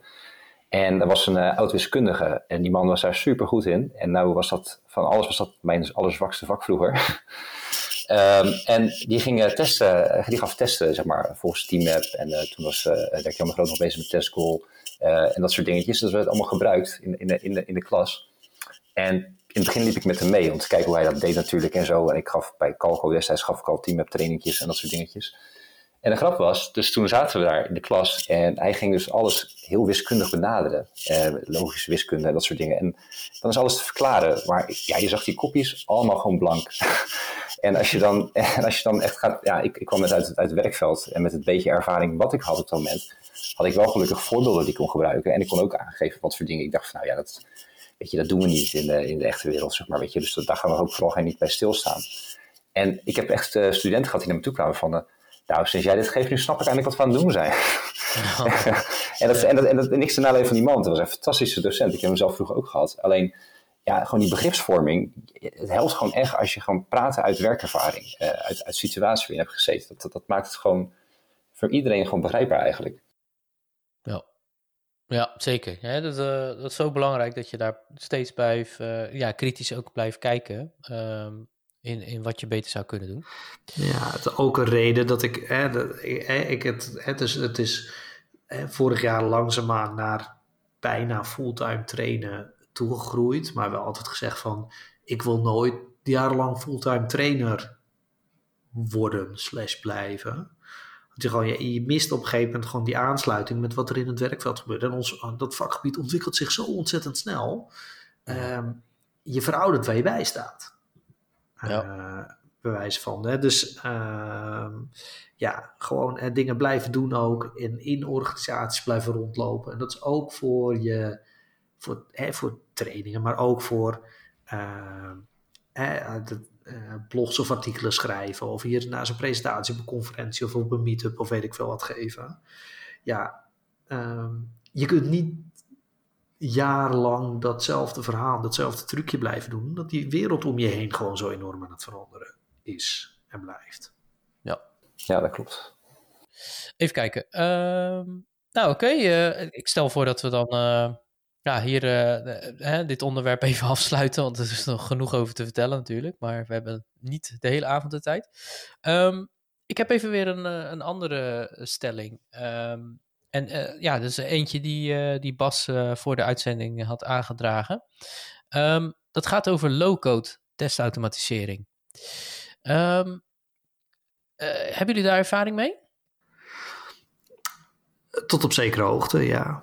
Ja, en, en Paul? Ja, een klein beetje inderdaad, zelf meegewerkt. Okay. Ja, ja. Wat, als een van jullie een vertaling zou mogen maken voor voor onze luisteraars thuis. Hè? Uh, wat, wat, wat betekent low-code testautomatisering? Voor mij is het eigenlijk het gebruik maken van een tool die een, waarbij je een abstractielaag bovenop de code hebt. Eigenlijk. Uh, waarbij je niet zelf de Java of de Python of de C-sharp code schrijft, maar een, je tests schrijft, modelleert, sleurt en pleurt, hoe je het wil noemen. Hangt een beetje af van de tool in uh, een abstractielaag daarboven. En soms is dat uh, met grafische user interface, denk uh, Postman of Catalan, weet ik veel wat, noem maar tools. Ehm, of met keywords, hè, denk Robot Framework, dat valt voor mij onder, ook onder een low-code tool. Ja. Ehm, maar dat, dat, dat is voor mij, dat is wat ik onder low-code tool versta. ja. Ik heb ook, hè, dat, uh, ben blij dat we hier over low-code hebben. Ik krijg licht allergische verschijnselen als mensen het over no-code tools hebben. Uh, dat bestaat. Uiteindelijk wordt het namelijk allemaal code. En het is alleen, ja, van op welke abstractielaag schrijf jij je tests in de code zelf? Of gebruik je, maak je gebruik van een laagje daarbovenop? Dat is voor mij, daar zit voor mij het verschil. Ja, ik sluit me daar volledig bij aan eigenlijk. Dat is precies ook hoe ik het uh, interpreteer. Ja, en uh, welke voorbeelden zouden we hierbij uh, kunnen bedenken? nou, ik heb zelf vroeger een klein beetje ervaring met UFT van HP. maar ja, nu tegenwoordig zie je SpecFlow natuurlijk ook wel veel. Ja. Ja, die schaar ik dan daar weer net even niet onder, SpecFlow. Maar dat, uh, dat wordt een hele lange discussie over. Uh, omdat ik vind dat geen testautomatiseringstoel. Of dus, ja, ja, het is een tool die je voor testautomatisering gebruikt. Maar het is niet een tool waarmee je direct interacteert met, je, met het applicatie die je aan het testen bent. Dus het is een living documentation. Maar goed, um, voordat we daar in een hele, in, een hele discussie daarover veranderen. Uh, het ding is Postman. Uh, Robot Framework noemde ik net al even. Uh, veel, uh, sowieso veel commerciële tool vendors. Hè, die, die, hebben dat, die hebben dat soort tools. En, Valt Cucumber daar dus niet onder volgens jou? Nou, hetzelfde verhaal als Specflow. Specflow is gewoon Cucumber voor .NET. Maar um, nee, omdat niet het primaire doel van die tool is om Het is om uh, living documentation te genereren vanuit je specs. En dat is net even een, wat, het is een, andere nuance. Uiteindelijk hangen daar acceptatietests onder. Maar um, Cucumber of Specflow, die, die praat niet tegen je applicatie. Daar heb je altijd weer andere libraries voor nodig. Denk Selenium, denk uh, een API library, denk een, een database, noem maar op. Dat, dat soort dingen. Dat... Ja. ja, kijk, het is een beetje een breed uh, begrip inderdaad. Uh, ik, ik, ik, kan me ook wel wat bij voorstellen als mensen dat uh, als low-code zouden willen. Hè, ja, nou ja, het, kijk, in die zin, het is natuurlijk, het is ook weer. en, net, het, het, dus, en nu ga ik mezelf ook gewoon lekker gigantisch tegenspreken, want dat is wat ik doe. het is een abstractielaag bovenop die testcode, uiteindelijk. En het is een syntax die niet direct en niet direct code is. Hè, maar, maar, het is een tool die dat voor jou vertaalt naar code, naar executeren ja, code. Precies, ja. Ja, ja zo, zo zie ik het ook. Hè? Dus dat je, uh, ja, uiteraard, je zal altijd code nodig moeten hebben. Zoals Cucumber of Robot Framework of, uh, ja, noem het maar, willekeurige libraries die dus, uh, oh, sorry, frameworks die ja, iets met tekst moeten doen. en low-code kan ook bijvoorbeeld een modelleer uh, tool zijn. Dus uh, ik heb ook binnen uh, ja, de, de, de, klanten met wie ik samenwerk, hebben we wel eens model-based testing hè, met test automation zeg maar, toegepast. Dus daar, daar ga je op een gegeven moment een, een model van het systeem, ga je op een of andere manier vertalen in iets wat iedereen kan begrijpen. En daar bedoel ik echt letterlijk iedereen mee. Dus niet alleen maar mensen die code kunnen lezen. zo, zo, dat zou mijn vertaling zijn. Um, en, en ja, je hebt daar ook allemaal uh, no-code uh, oplossingen voor. Maar goed, dat, uh, ja, da daar hebben we het nu even niet over. Um, maar de, de stelling is hier, ja, is dat iets waar we, waar we ja, iets mee moeten, denk jij? is dat nou iets wat je, wat je graag zou, in zou willen verdiepen of niet? Um, ik vind voor mezelf vanuit mijn eigen rol wel. Uh, hè, maar dat is omdat ik uh, als externe bij heel veel verschillende bedrijven over de vloer kom, verschillende teams werk en die mensen hebben verschillende skillsets. En wat ik het best vind, is eigenlijk niet zo heel belangrijk. Hè, het, het, het is uh, wat is de beste keuze, de beste aanpak, de beste soort tooling voor een bepaald team met een bepaalde skillset en ervaringen en een bepaald doel. En soms is dat code. En soms past daar een wat meer low-code oplossing gewoon beter bij. En er zijn prima, uh, ik heb niks tegen low-code oplossingen, uh, mits goed ingezet. Uh, daar ontbreekt het nog wel eens aan, omdat mensen denken van, oh, het is low-code, dus je hoeft helemaal niks meer van software schrijven te snappen. het, het, probleem van die low-code tools is dat het je hè, uh, onkundige mensen veel makkelijker maakt om er een zootje van te maken. Oei, oei, oei. Ja. ja, dat is waar. Het is inderdaad, um, zoals ik het vaak ervaar, is dat, uh, dat mensen die inderdaad, of bedrijven of, of afdelingen, hoe je het wil noemen, die op een bepaald moment besluiten iets te gaan doen met testautomatisering, maar vanuit hun eigen rol of achtergrond techniek toch wel een beetje eng vinden. Uh, dat die heel snel neigen naar zo'n soort oplossing. Omdat ze dan het gevoel hebben van eigenlijk een soort vals gevoel van veiligheid. Van uh, hiermee kan ik wel uit de voeten. En als het technisch wordt, ja, dan, dan schakel ik wel iemand in. Uh, maar wat ze inderdaad niet beseffen terecht is dat er natuurlijk gewoon echt een hele, vaak een hele laag tussen zit. Die ook gewoon natuurlijk gewoon puur techniek is. Die gewoon communiceert met de applicatie op dat moment. Ook het testen dat het ook mag zijn.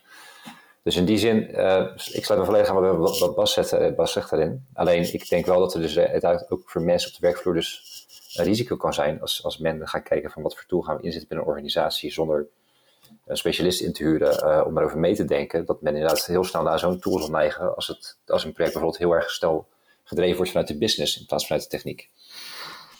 Ja, en, wat zeggen, daar, ik vind dat dat is wel een, hè, iets belangrijks. Wat ik denk dat nog wel eens ontbreekt. Dat het ontbreekt sowieso gigantisch in alle marketing rondom dat soort tools. Vind ik zelf. Hè, dat is, het is vooral van, kijk eens hoe makkelijk het is om hiermee te werken. Uh, wat ze er achter de komma dan niet bij zetten, is van kijk hoe makkelijk het is om er hier een zootje van te maken. Hiermee. En, uh, en, je moet nog steeds wel heel goed nadenken over hoe ga je dit inzetten? Uh, hoe ga ik dingen herbruikbaar maken? Kan ik, kan ik bouwblokjes maken? Uiteindelijk, ook met dat soort tools, moet je gewoon objectgeoriënteerd kunnen denken, volgens mij. Ja, precies. Ehm, en dat ontbreekt er nog wel eens aan. Te vaak. Ja. Ik, heb het, ik heb het ook heel vaak over met wat teamgenoten van mij uh, in plaats van tech, uh, tech debt maak je tekst debt.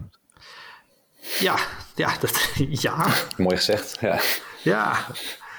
Want dat, uh, dus ook met al die Gherkin en, ja, en, en, sterker nog ook in de modelleertools hoor. Daar zie je ook echt een hele hoop, ja, noem het maar even beginners foutjes hè, in, in het modelleren van iets. En ja, dan, dan ga je gewoon echt helemaal nat. Want dan ga je echt enorme, grote, complexe modellen maken of teksten. Uh, wat op een gegeven moment niemand meer begrijpt. En dan, ja, dan heb je de plank misgeslagen. Zegt ook wat over je testaanpak. Hè? Als, je dat, als je van tevoren niet gewoon een goede, een goede testcase eigenlijk verzint, dan ga je gewoon lukraken van alles bouwen natuurlijk. En dat, dat zie je dus ook vaak gebeuren. Ja, ik, ik denk ook dat een goed, weet je wel, testdesign wordt wel eens onderschat. Ja, absoluut. Steeds meer bij automatisering eigenlijk. Ja, er zijn een heleboel. Uh, hè, de, de, de, de, ziekte van een heleboel testautomatiseren helaas is dat ze alleen maar willen automatiseren. Maar dat het, het, het testen, het, het, wat, is nou, wat is nou een zinvolle test? Wat is nou zinvolle informatie die ik naar boven wil halen? Dat ze dat helemaal vergeten. Ja. Ja, nou, dat is een mooie brug ook naar een, een volgend onderwerp. Um, is, uh, ja, nu zeggen we dat uh, ja, best wel stellig ook, van hey, dat zien we vaak in het werkveld. Maar hoe kunnen we de wereld een beetje beter maken? Hè? Um, wat, wat, wat, kunnen we voor tips geven om ja, beter te kunnen automatiseren in testen? Ja, dat is een goede vraag. Hè? Um, ik denk met, al, eigenlijk dat het allerbelangrijkste ehm, ja, heel erg persoonlijk zal zijn. Dat het te maken heeft met, met je eigen doelen, van wat, welke kant wil je bereiken, wat zijn je sterke kanten. Dat is natuurlijk heel, heel breed, heel vaag. Maar wat ik net mhm. al zei, niet iedereen is, uh, is weggelegd voor een stukje techniek. Um, dus dan, dan zou dat ook een keuze moeten zijn om daar ja, vooral niet die richting op te gaan. Maar als je daar wel voor kiest, uh, dan kom ik toch weer, ook weer terug bij, uh, ja, bij het DevOps verhaal, bij, bij de dingen op start-up gedachte van wees ondernemer. weet je wel, ga ervoor. Probeer alles te begrijpen wat je, wat je kan. Probeer alle informatie te verslinden die je krijgt in je team. Of het nu gaat over, over AWS of gaat over, de, over, over, de, over front-end technologieën zoals Angular. Maakt allemaal niet uit. Probeer het allemaal mee te nemen, allemaal te begrijpen. Uh, uh, alles maar op hoog niveau. Uiteindelijk zal je daar gewoon beter van worden in je vak. En, en zal je ook beter begrijpen hoe je testen efficiënt kan opzetten. Dat je dat je, je onderhoudstijd ook kan, kan beperken, zeg maar.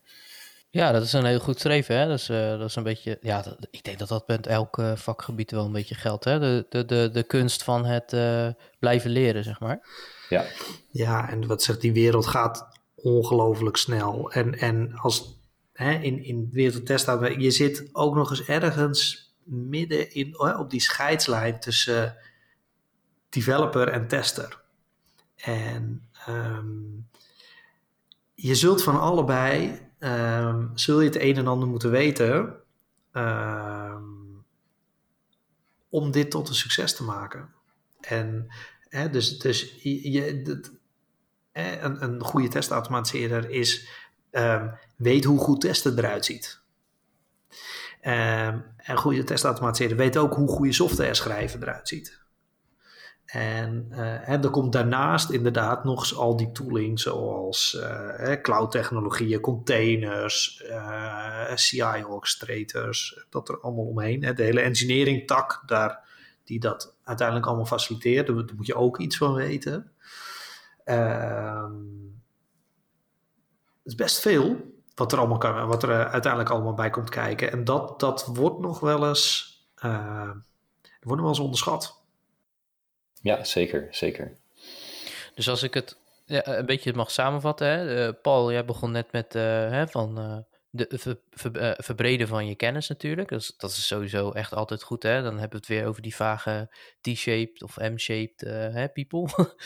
um, hè, dus dat, dat, dat houden we er altijd in. Hè? Dat verwachten we ook wel een beetje de laatste tijd van iedereen. Um, en uh, Bas zegt uh, in feite, hè, uh, zorg ervoor dat je hè, de, de innovatieslagen gewoon altijd meepakt. En zorgen dat je, hè, omdat het, de innovatie natuurlijk blijft groeien, hè, dat blijft gewoon, dat is gewoon een feit. AI komt om de hoek, machine learning, ja, dat zijn allemaal dingen die, waar we wat mee moeten. Um, en ik kan me ook voorstellen dat als je ja, een tester bent die uh, misschien wat minder affiniteiten daarmee heeft en het allemaal een beetje eng vindt en het eigenlijk alleen maar op het, uh, ja, noem het maar even, uh, het communicatie hè, richting stakeholders en dat soort dingen, want daar heb je ook natuurlijk een hele hoop testers in. Dus zorgen dat je weet wat, wat je moet communiceren richting klanten hè, als er iets fout gaat of, of, of bug reporting, hè, want dat soort testers heb je ook nog steeds. we hebben afgelopen, in, in, de laatste aflevering hebben we ook daar even over gehad. Um, en um, ja, wat ik daar zou willen aanraden is, uh, zorg ervoor dat je inderdaad gewoon heel goed bent in die testdesign.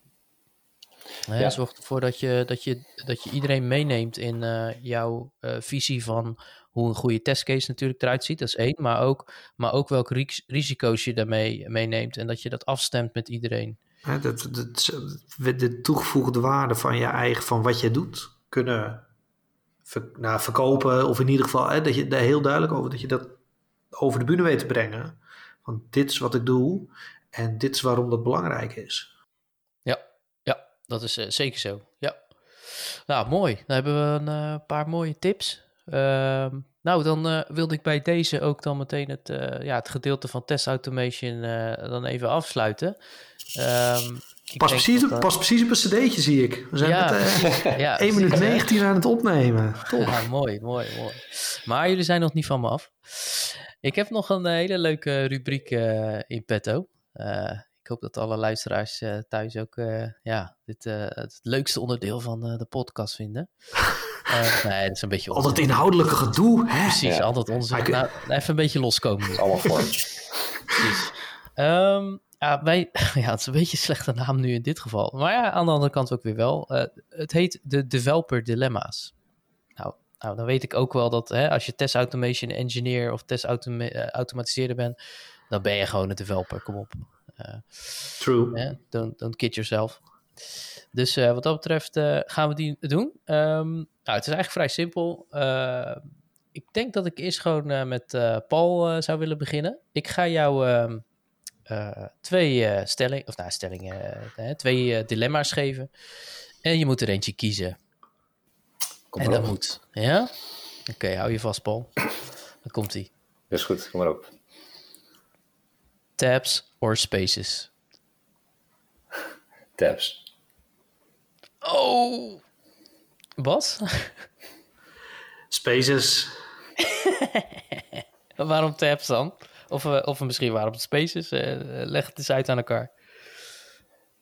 Ik, ik weet niet, ik doe het automatisch altijd gewoon of zo. Dat maakt het gewoon, voor mij is het gewoon een bepaalde werkwijze, eigenlijk.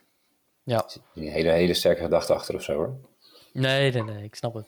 En waarom jij uh, Spaces? Dus eigenlijk, een, eigenlijk een beetje hetzelfde. Uh, niet, niet puur om te zeggen van nou, dat als Paul dit neemt, neem ik dat.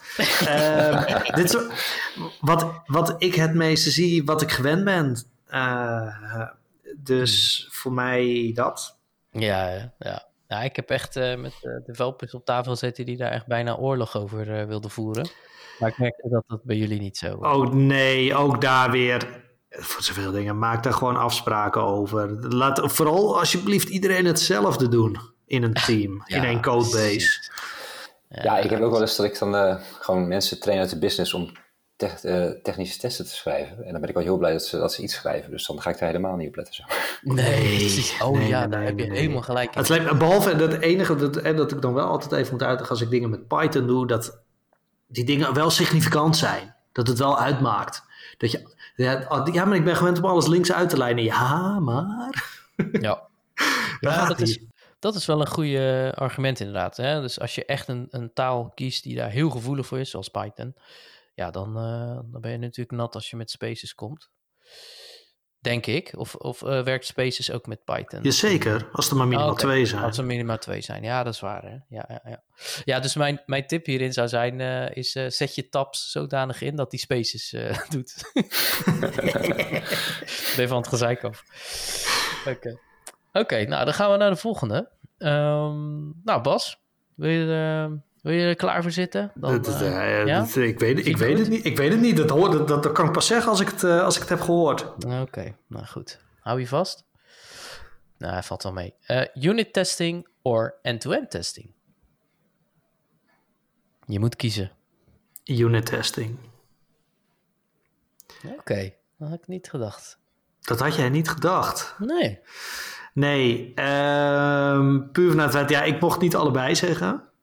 Uh, dat zou namelijk. Dat, maar uh, puur vanuit het feit dat er uh, in, onze, in ons vakgebied veel en veel en veel te veel geld wordt weggegooid aan end-to-end testen. Ehm, hoe vaak ik tests zie van en mensen die een end-to-end test hebben en die zeggen van... Oh, maar dan kan ik ook deze 57 varianten daaronder hangen. Mooi tabelletje met Cucumber of Robot Framework. Hè, maakt het mooi data-driven. En dan hebben 57 end-to-end testen. Zeg ja, nu ben je onderliggende business logica aan het testen... die je ook met unit testen af kunnen testen. Of misschien met een integratietest. Oh. Zeg, dan heb je hele, hele dure, inefficiënte tests. Hm. Oh. Uh, dus alleen al daarom, omdat ik dat nog te vaak zie, zeg ik uh, unit testen. Hè? Onze, wij als testers, testautomatiseerders, ga je alsjeblieft daar eens wat meer in verdiepen. Uh, ga met je developers praten van wat doen zij nu eigenlijk? en, en waarom niet? Um, en ga kijken wat en, en ga meer die kant op en daarin verdiepen. Want er is je hebt al van die meetings waarvan je dacht, uh, this should have been an email. Uh, ik zie heel vaak end-to-end het this should have been a set of unit tests. en jouw ervaring, uh, Paul? Ja, nou, ik ga er ook in mee. Ik denk, um, wat Bas zegt, dat, dat herken ik volledig. End-to-end test is vaak een soort doel op zich en, en gelijk de grootste kostenpost. En, en, en kost ook een hoop tijd natuurlijk.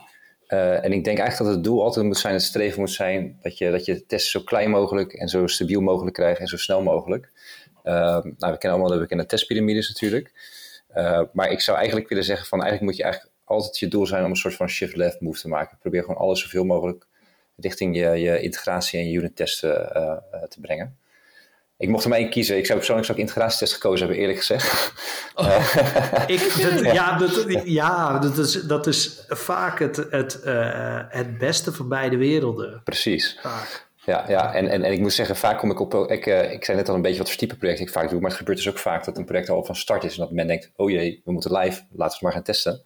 Uh, en, en dus dan word je ingevlogen. En dan zet ik in het begin altijd wel even op end-to-end, omdat er dan nog niks is. En dan heb je iets. Uh, want je hebt ook niet de tijd om op dat moment natuurlijk alle unit testen aan kwaliteitscontrole te, te, te onderwerpen. Um, maar dan zet ik wel gelijk in op die, op die move, zeg maar, dat we gewoon langzaamaan naar integratietesten en naar unit testen gaan werken om daar gewoon het zwaartepunt op te leggen. Uh, ja, en, en, dat moet eigenlijk altijd het streven zijn, denk ik. ik ja. En, dat, en ja, goed, nogmaals, ik kom weer terug op het niveau van, van de, de mensen en, en, het kennisniveau natuurlijk. Uh, maar dat, dat vergt heel wat van de mensen zelf op, op kwaliteitsgebied natuurlijk ook, dat ze dat, dat, dat kunnen. Absoluut ja. het doel. Ja, precies. En dat is wat Bas ook zei in het begin van, hè, dat is afhankelijk van, ja, het is gewoon een lange, lange termijn investering. Ja. Oké, okay, nou hartstikke mooi. Nou, dan gaan we, gaan we nu naar de laatste. Um, ik zit even te denken aan wie ik deze het beste kan vragen. Ik denk dat ik Paul nog wel even weer een keertje... Ja, dus dan komt hij. Ja, ja, ja. Nou, dit is een makkie voor jou, denk ik. Cypress of Selenium? Ja, dat weten we allemaal. Dat is Cypress natuurlijk. Oké, okay, en voor de luisteraars thuis, hè, want ik zullen best wel een paar uh, uh, niet weten wat Cypress kan en, uh, en waarom het misschien wel beter is. Um, kan je iets over vertellen? Ja, dat is goed. Ik, uh, ik ben inmiddels echt een groot fan van deze tool. Um, ik, ik uh, probeer hem, nou, ik probeer hem niet overal in te zetten, dat hangt heel erg van de opdracht. Maar als men neigt naar een soort Selenium-achtige oplossing, dan, dan grijp ik vaak richting Cypress. Uh, en het is heel erg een opkomst, omdat het eigenlijk, uh, eigenlijk hetzelfde kan als Selenium, maar beter. Um, en daarmee bedoel ik eigenlijk maar, dat gewoon het opzetten en de, het, van je testframework bijvoorbeeld in een kwartier al klaar kan zijn. Um, je, je nooit last hebt van issues met, uh, met browser updates en dat soort dingen waar je met Selenium natuurlijk al eens tegenaan loopt.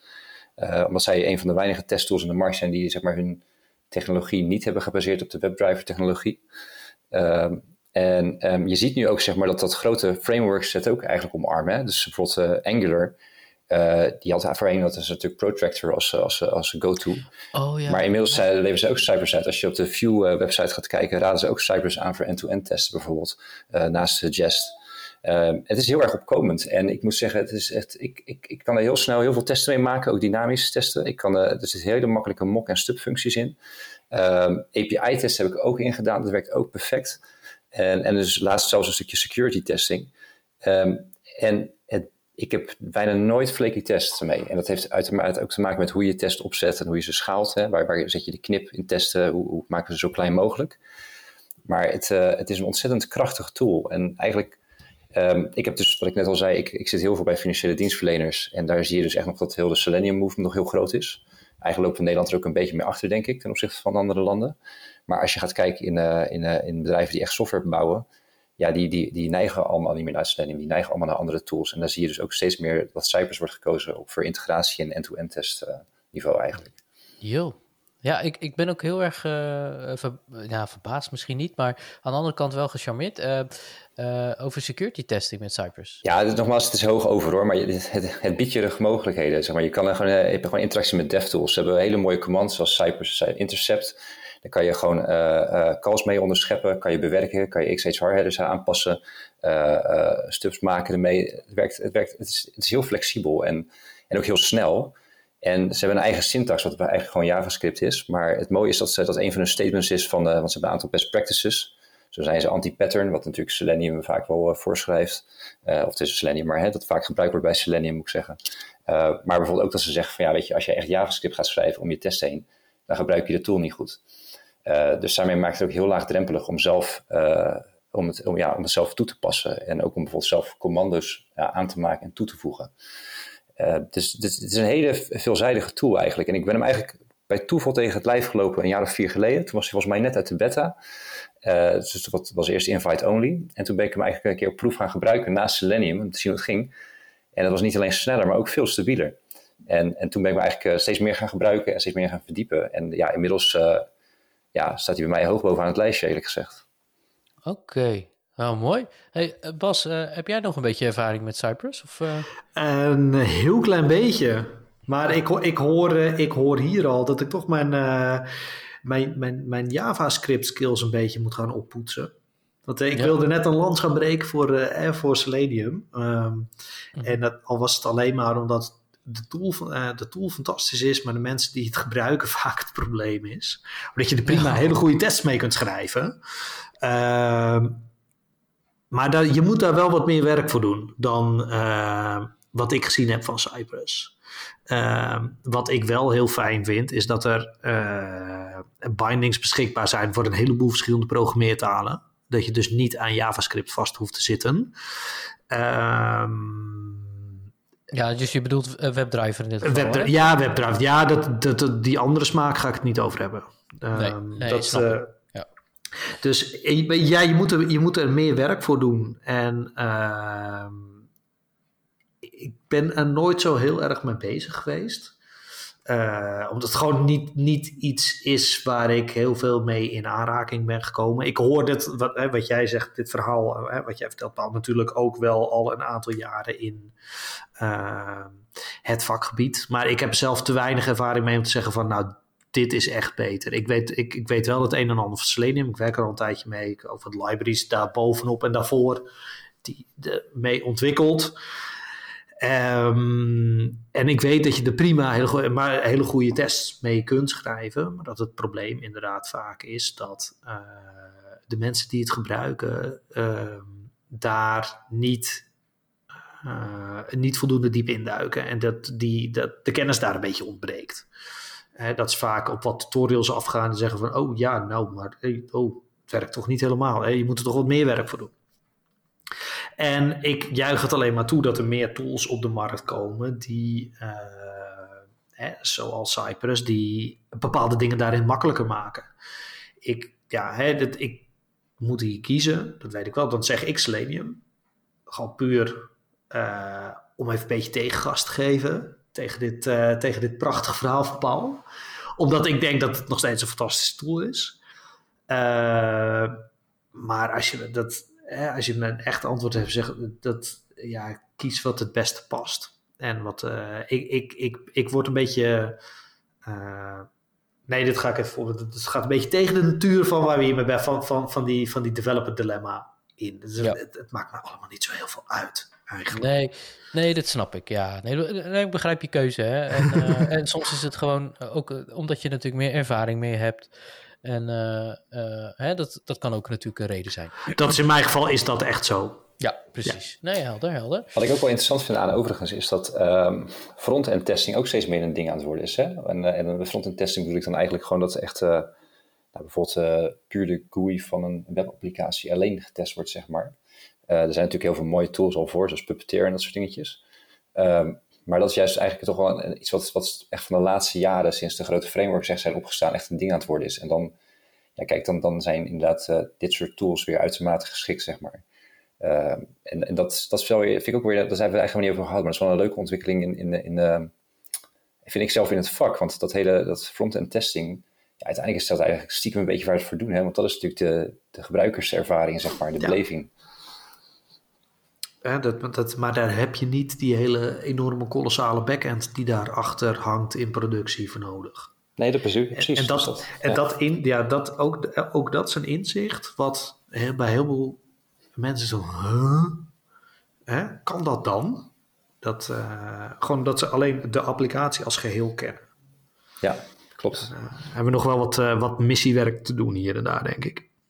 Ja, absoluut. dus dat uh, definiëren van uh, wat een componenttest is, of het definiëren van wat een integratietest is, of een uh, end-to-end test wat dat betreft. Um, ik denk dat dat ook wel gaat helpen. Dus als we iedereen meenemen hierin, van joh, wat is het doel van zo'n test? En dat je een componenttest ook prima gewoon op een UI kan doen zonder een backend. Ja.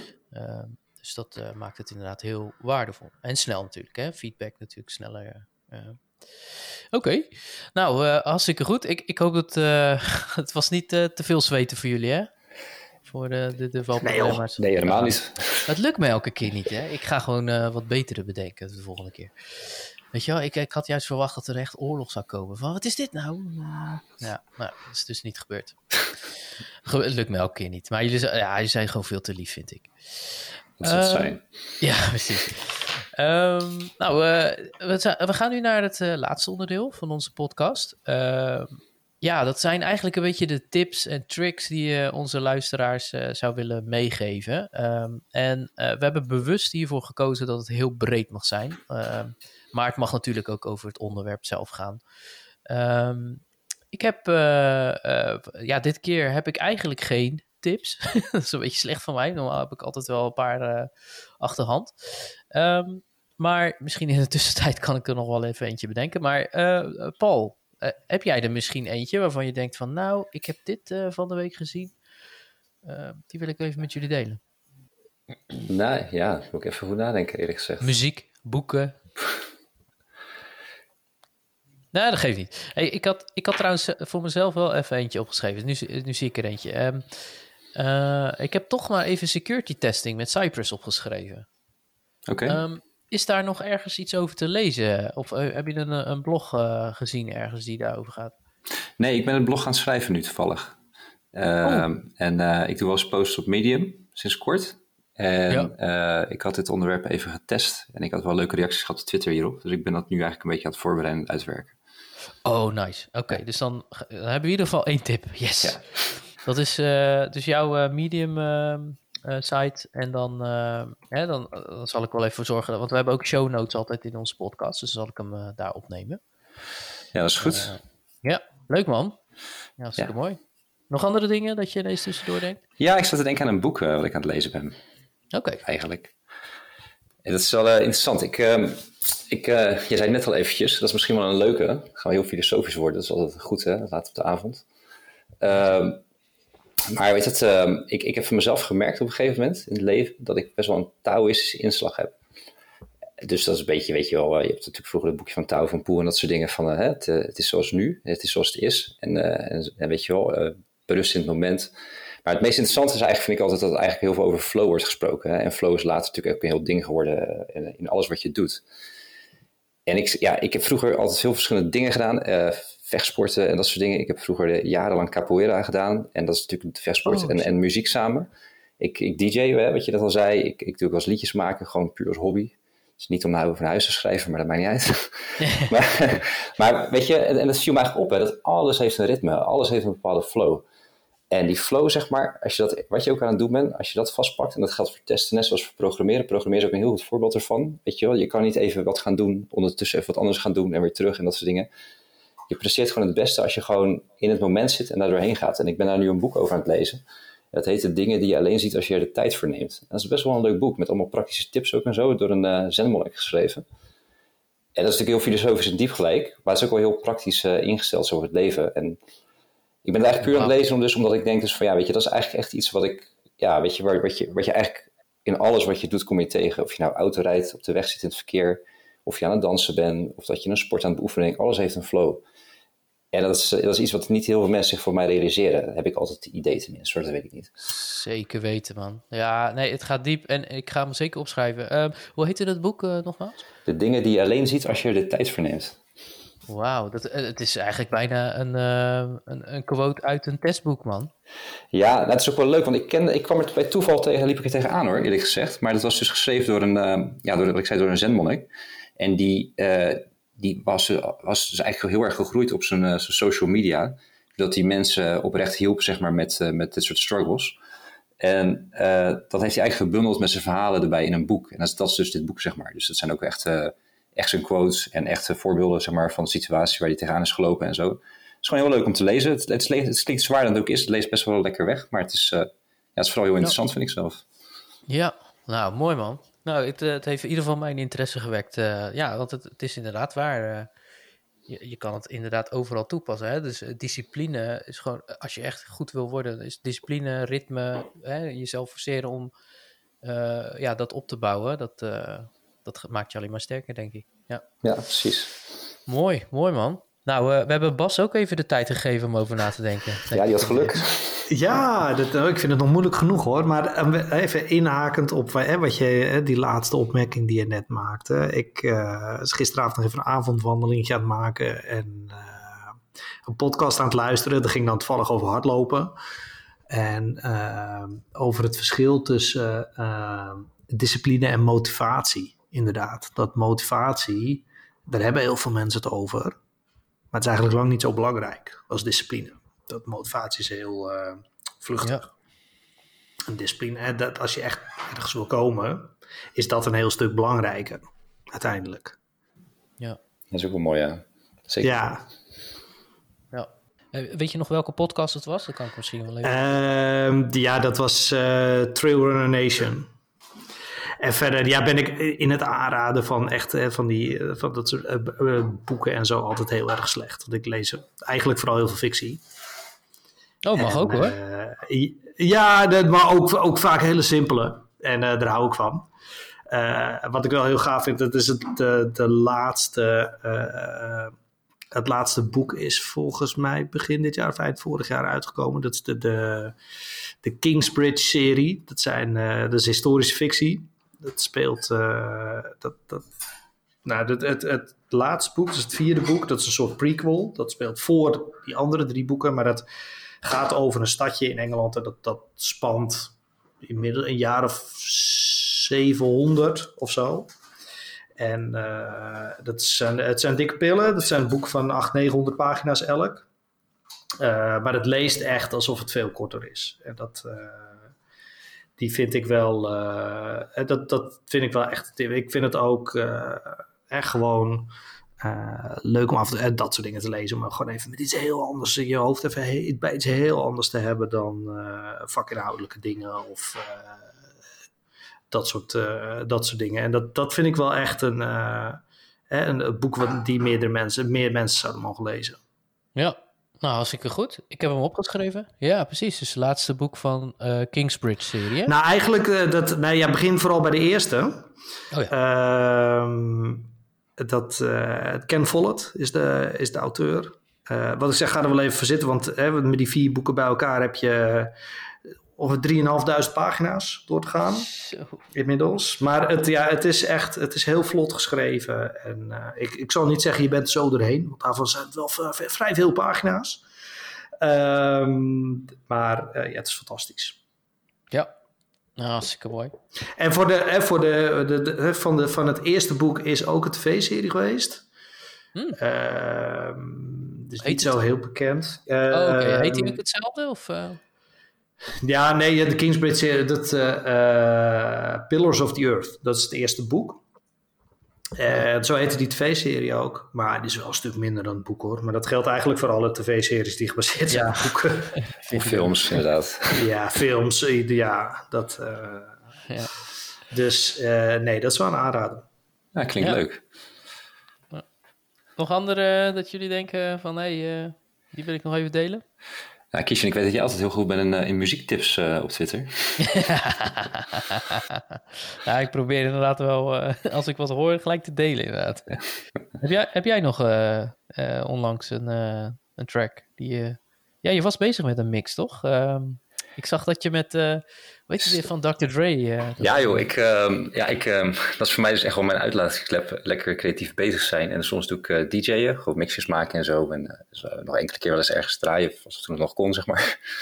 um, en, maar ja, ook wel liedjes maken met Ableton, vind ik heel leuk. En na een jaar of tien ja, aanklooien met het programma durf ik te zeggen dat ik nu eindelijk geluid uit krijg. maar ja, ik ben inderdaad begonnen bij, als grap. Ik, want ik, ik zat een beetje, ja, het was s'avonds, ik zat, ik zat een beetje te spelen ermee. En ik had een liedje gemaakt voor mezelf. En ik dacht, joh, ik, uh, ja, ik, ben, ook wel, ik ben echt wel echt gek op house. Dat doe ik ook, ben, ik, ben ik ook het beste met draaien, doe ik het meeste mee. Maar ik vind ook altijd hip-hop heel erg leuk. Zeker dan die 90s uh, eh, boom bap tijd, zeg maar. En toen dacht ik, uh, ja, dus ik dacht, weet je, um, ik, ja, ik zat de laatste tijd weer veel te luisteren van deze stijlen. Ik dacht, joh, ik ga gewoon eens Still Dre erbij pakken. En kijken of ik een beetje mee kan spelen en kan samplen en doen en zo. En toen kwam er eigenlijk best wel iets uit dat ik dacht van, nou, het is eigenlijk wel leuk om verder te bouwen. Dus dat ben ik nu een beetje aan het uitbouwen, zeg maar. Het wordt een soort house nummertje. Met uh, echte keys en de vibes zeg maar, van uh, Scott Torch, die die piano heeft ingespeeld van Dre. En, uh, ja, het is echt super vet. Ja, echt, en ik heb een hele gave analoge synthesizer naast gekocht, dus die, die gaat eronder. Ja, dat is leuk. Het is gewoon lekker, lekker hobby. Dat is echt lachen, man. En ehm, ja, dat, dat, vind ik leuk om te doen. En ik, nou, als je dan over artiesten hebt momenteel, dan zou ik zeggen Logic. Dat is wel echt ook iets voor jou trouwens. Logic? Ja, die ken je denk ik nog niet. Of Nee, ik ken het nog niet. Nee. Dat is eigenlijk een jonge, hele jonge gozer uh, uit Amerika, die nu een aantal jaar bezig is.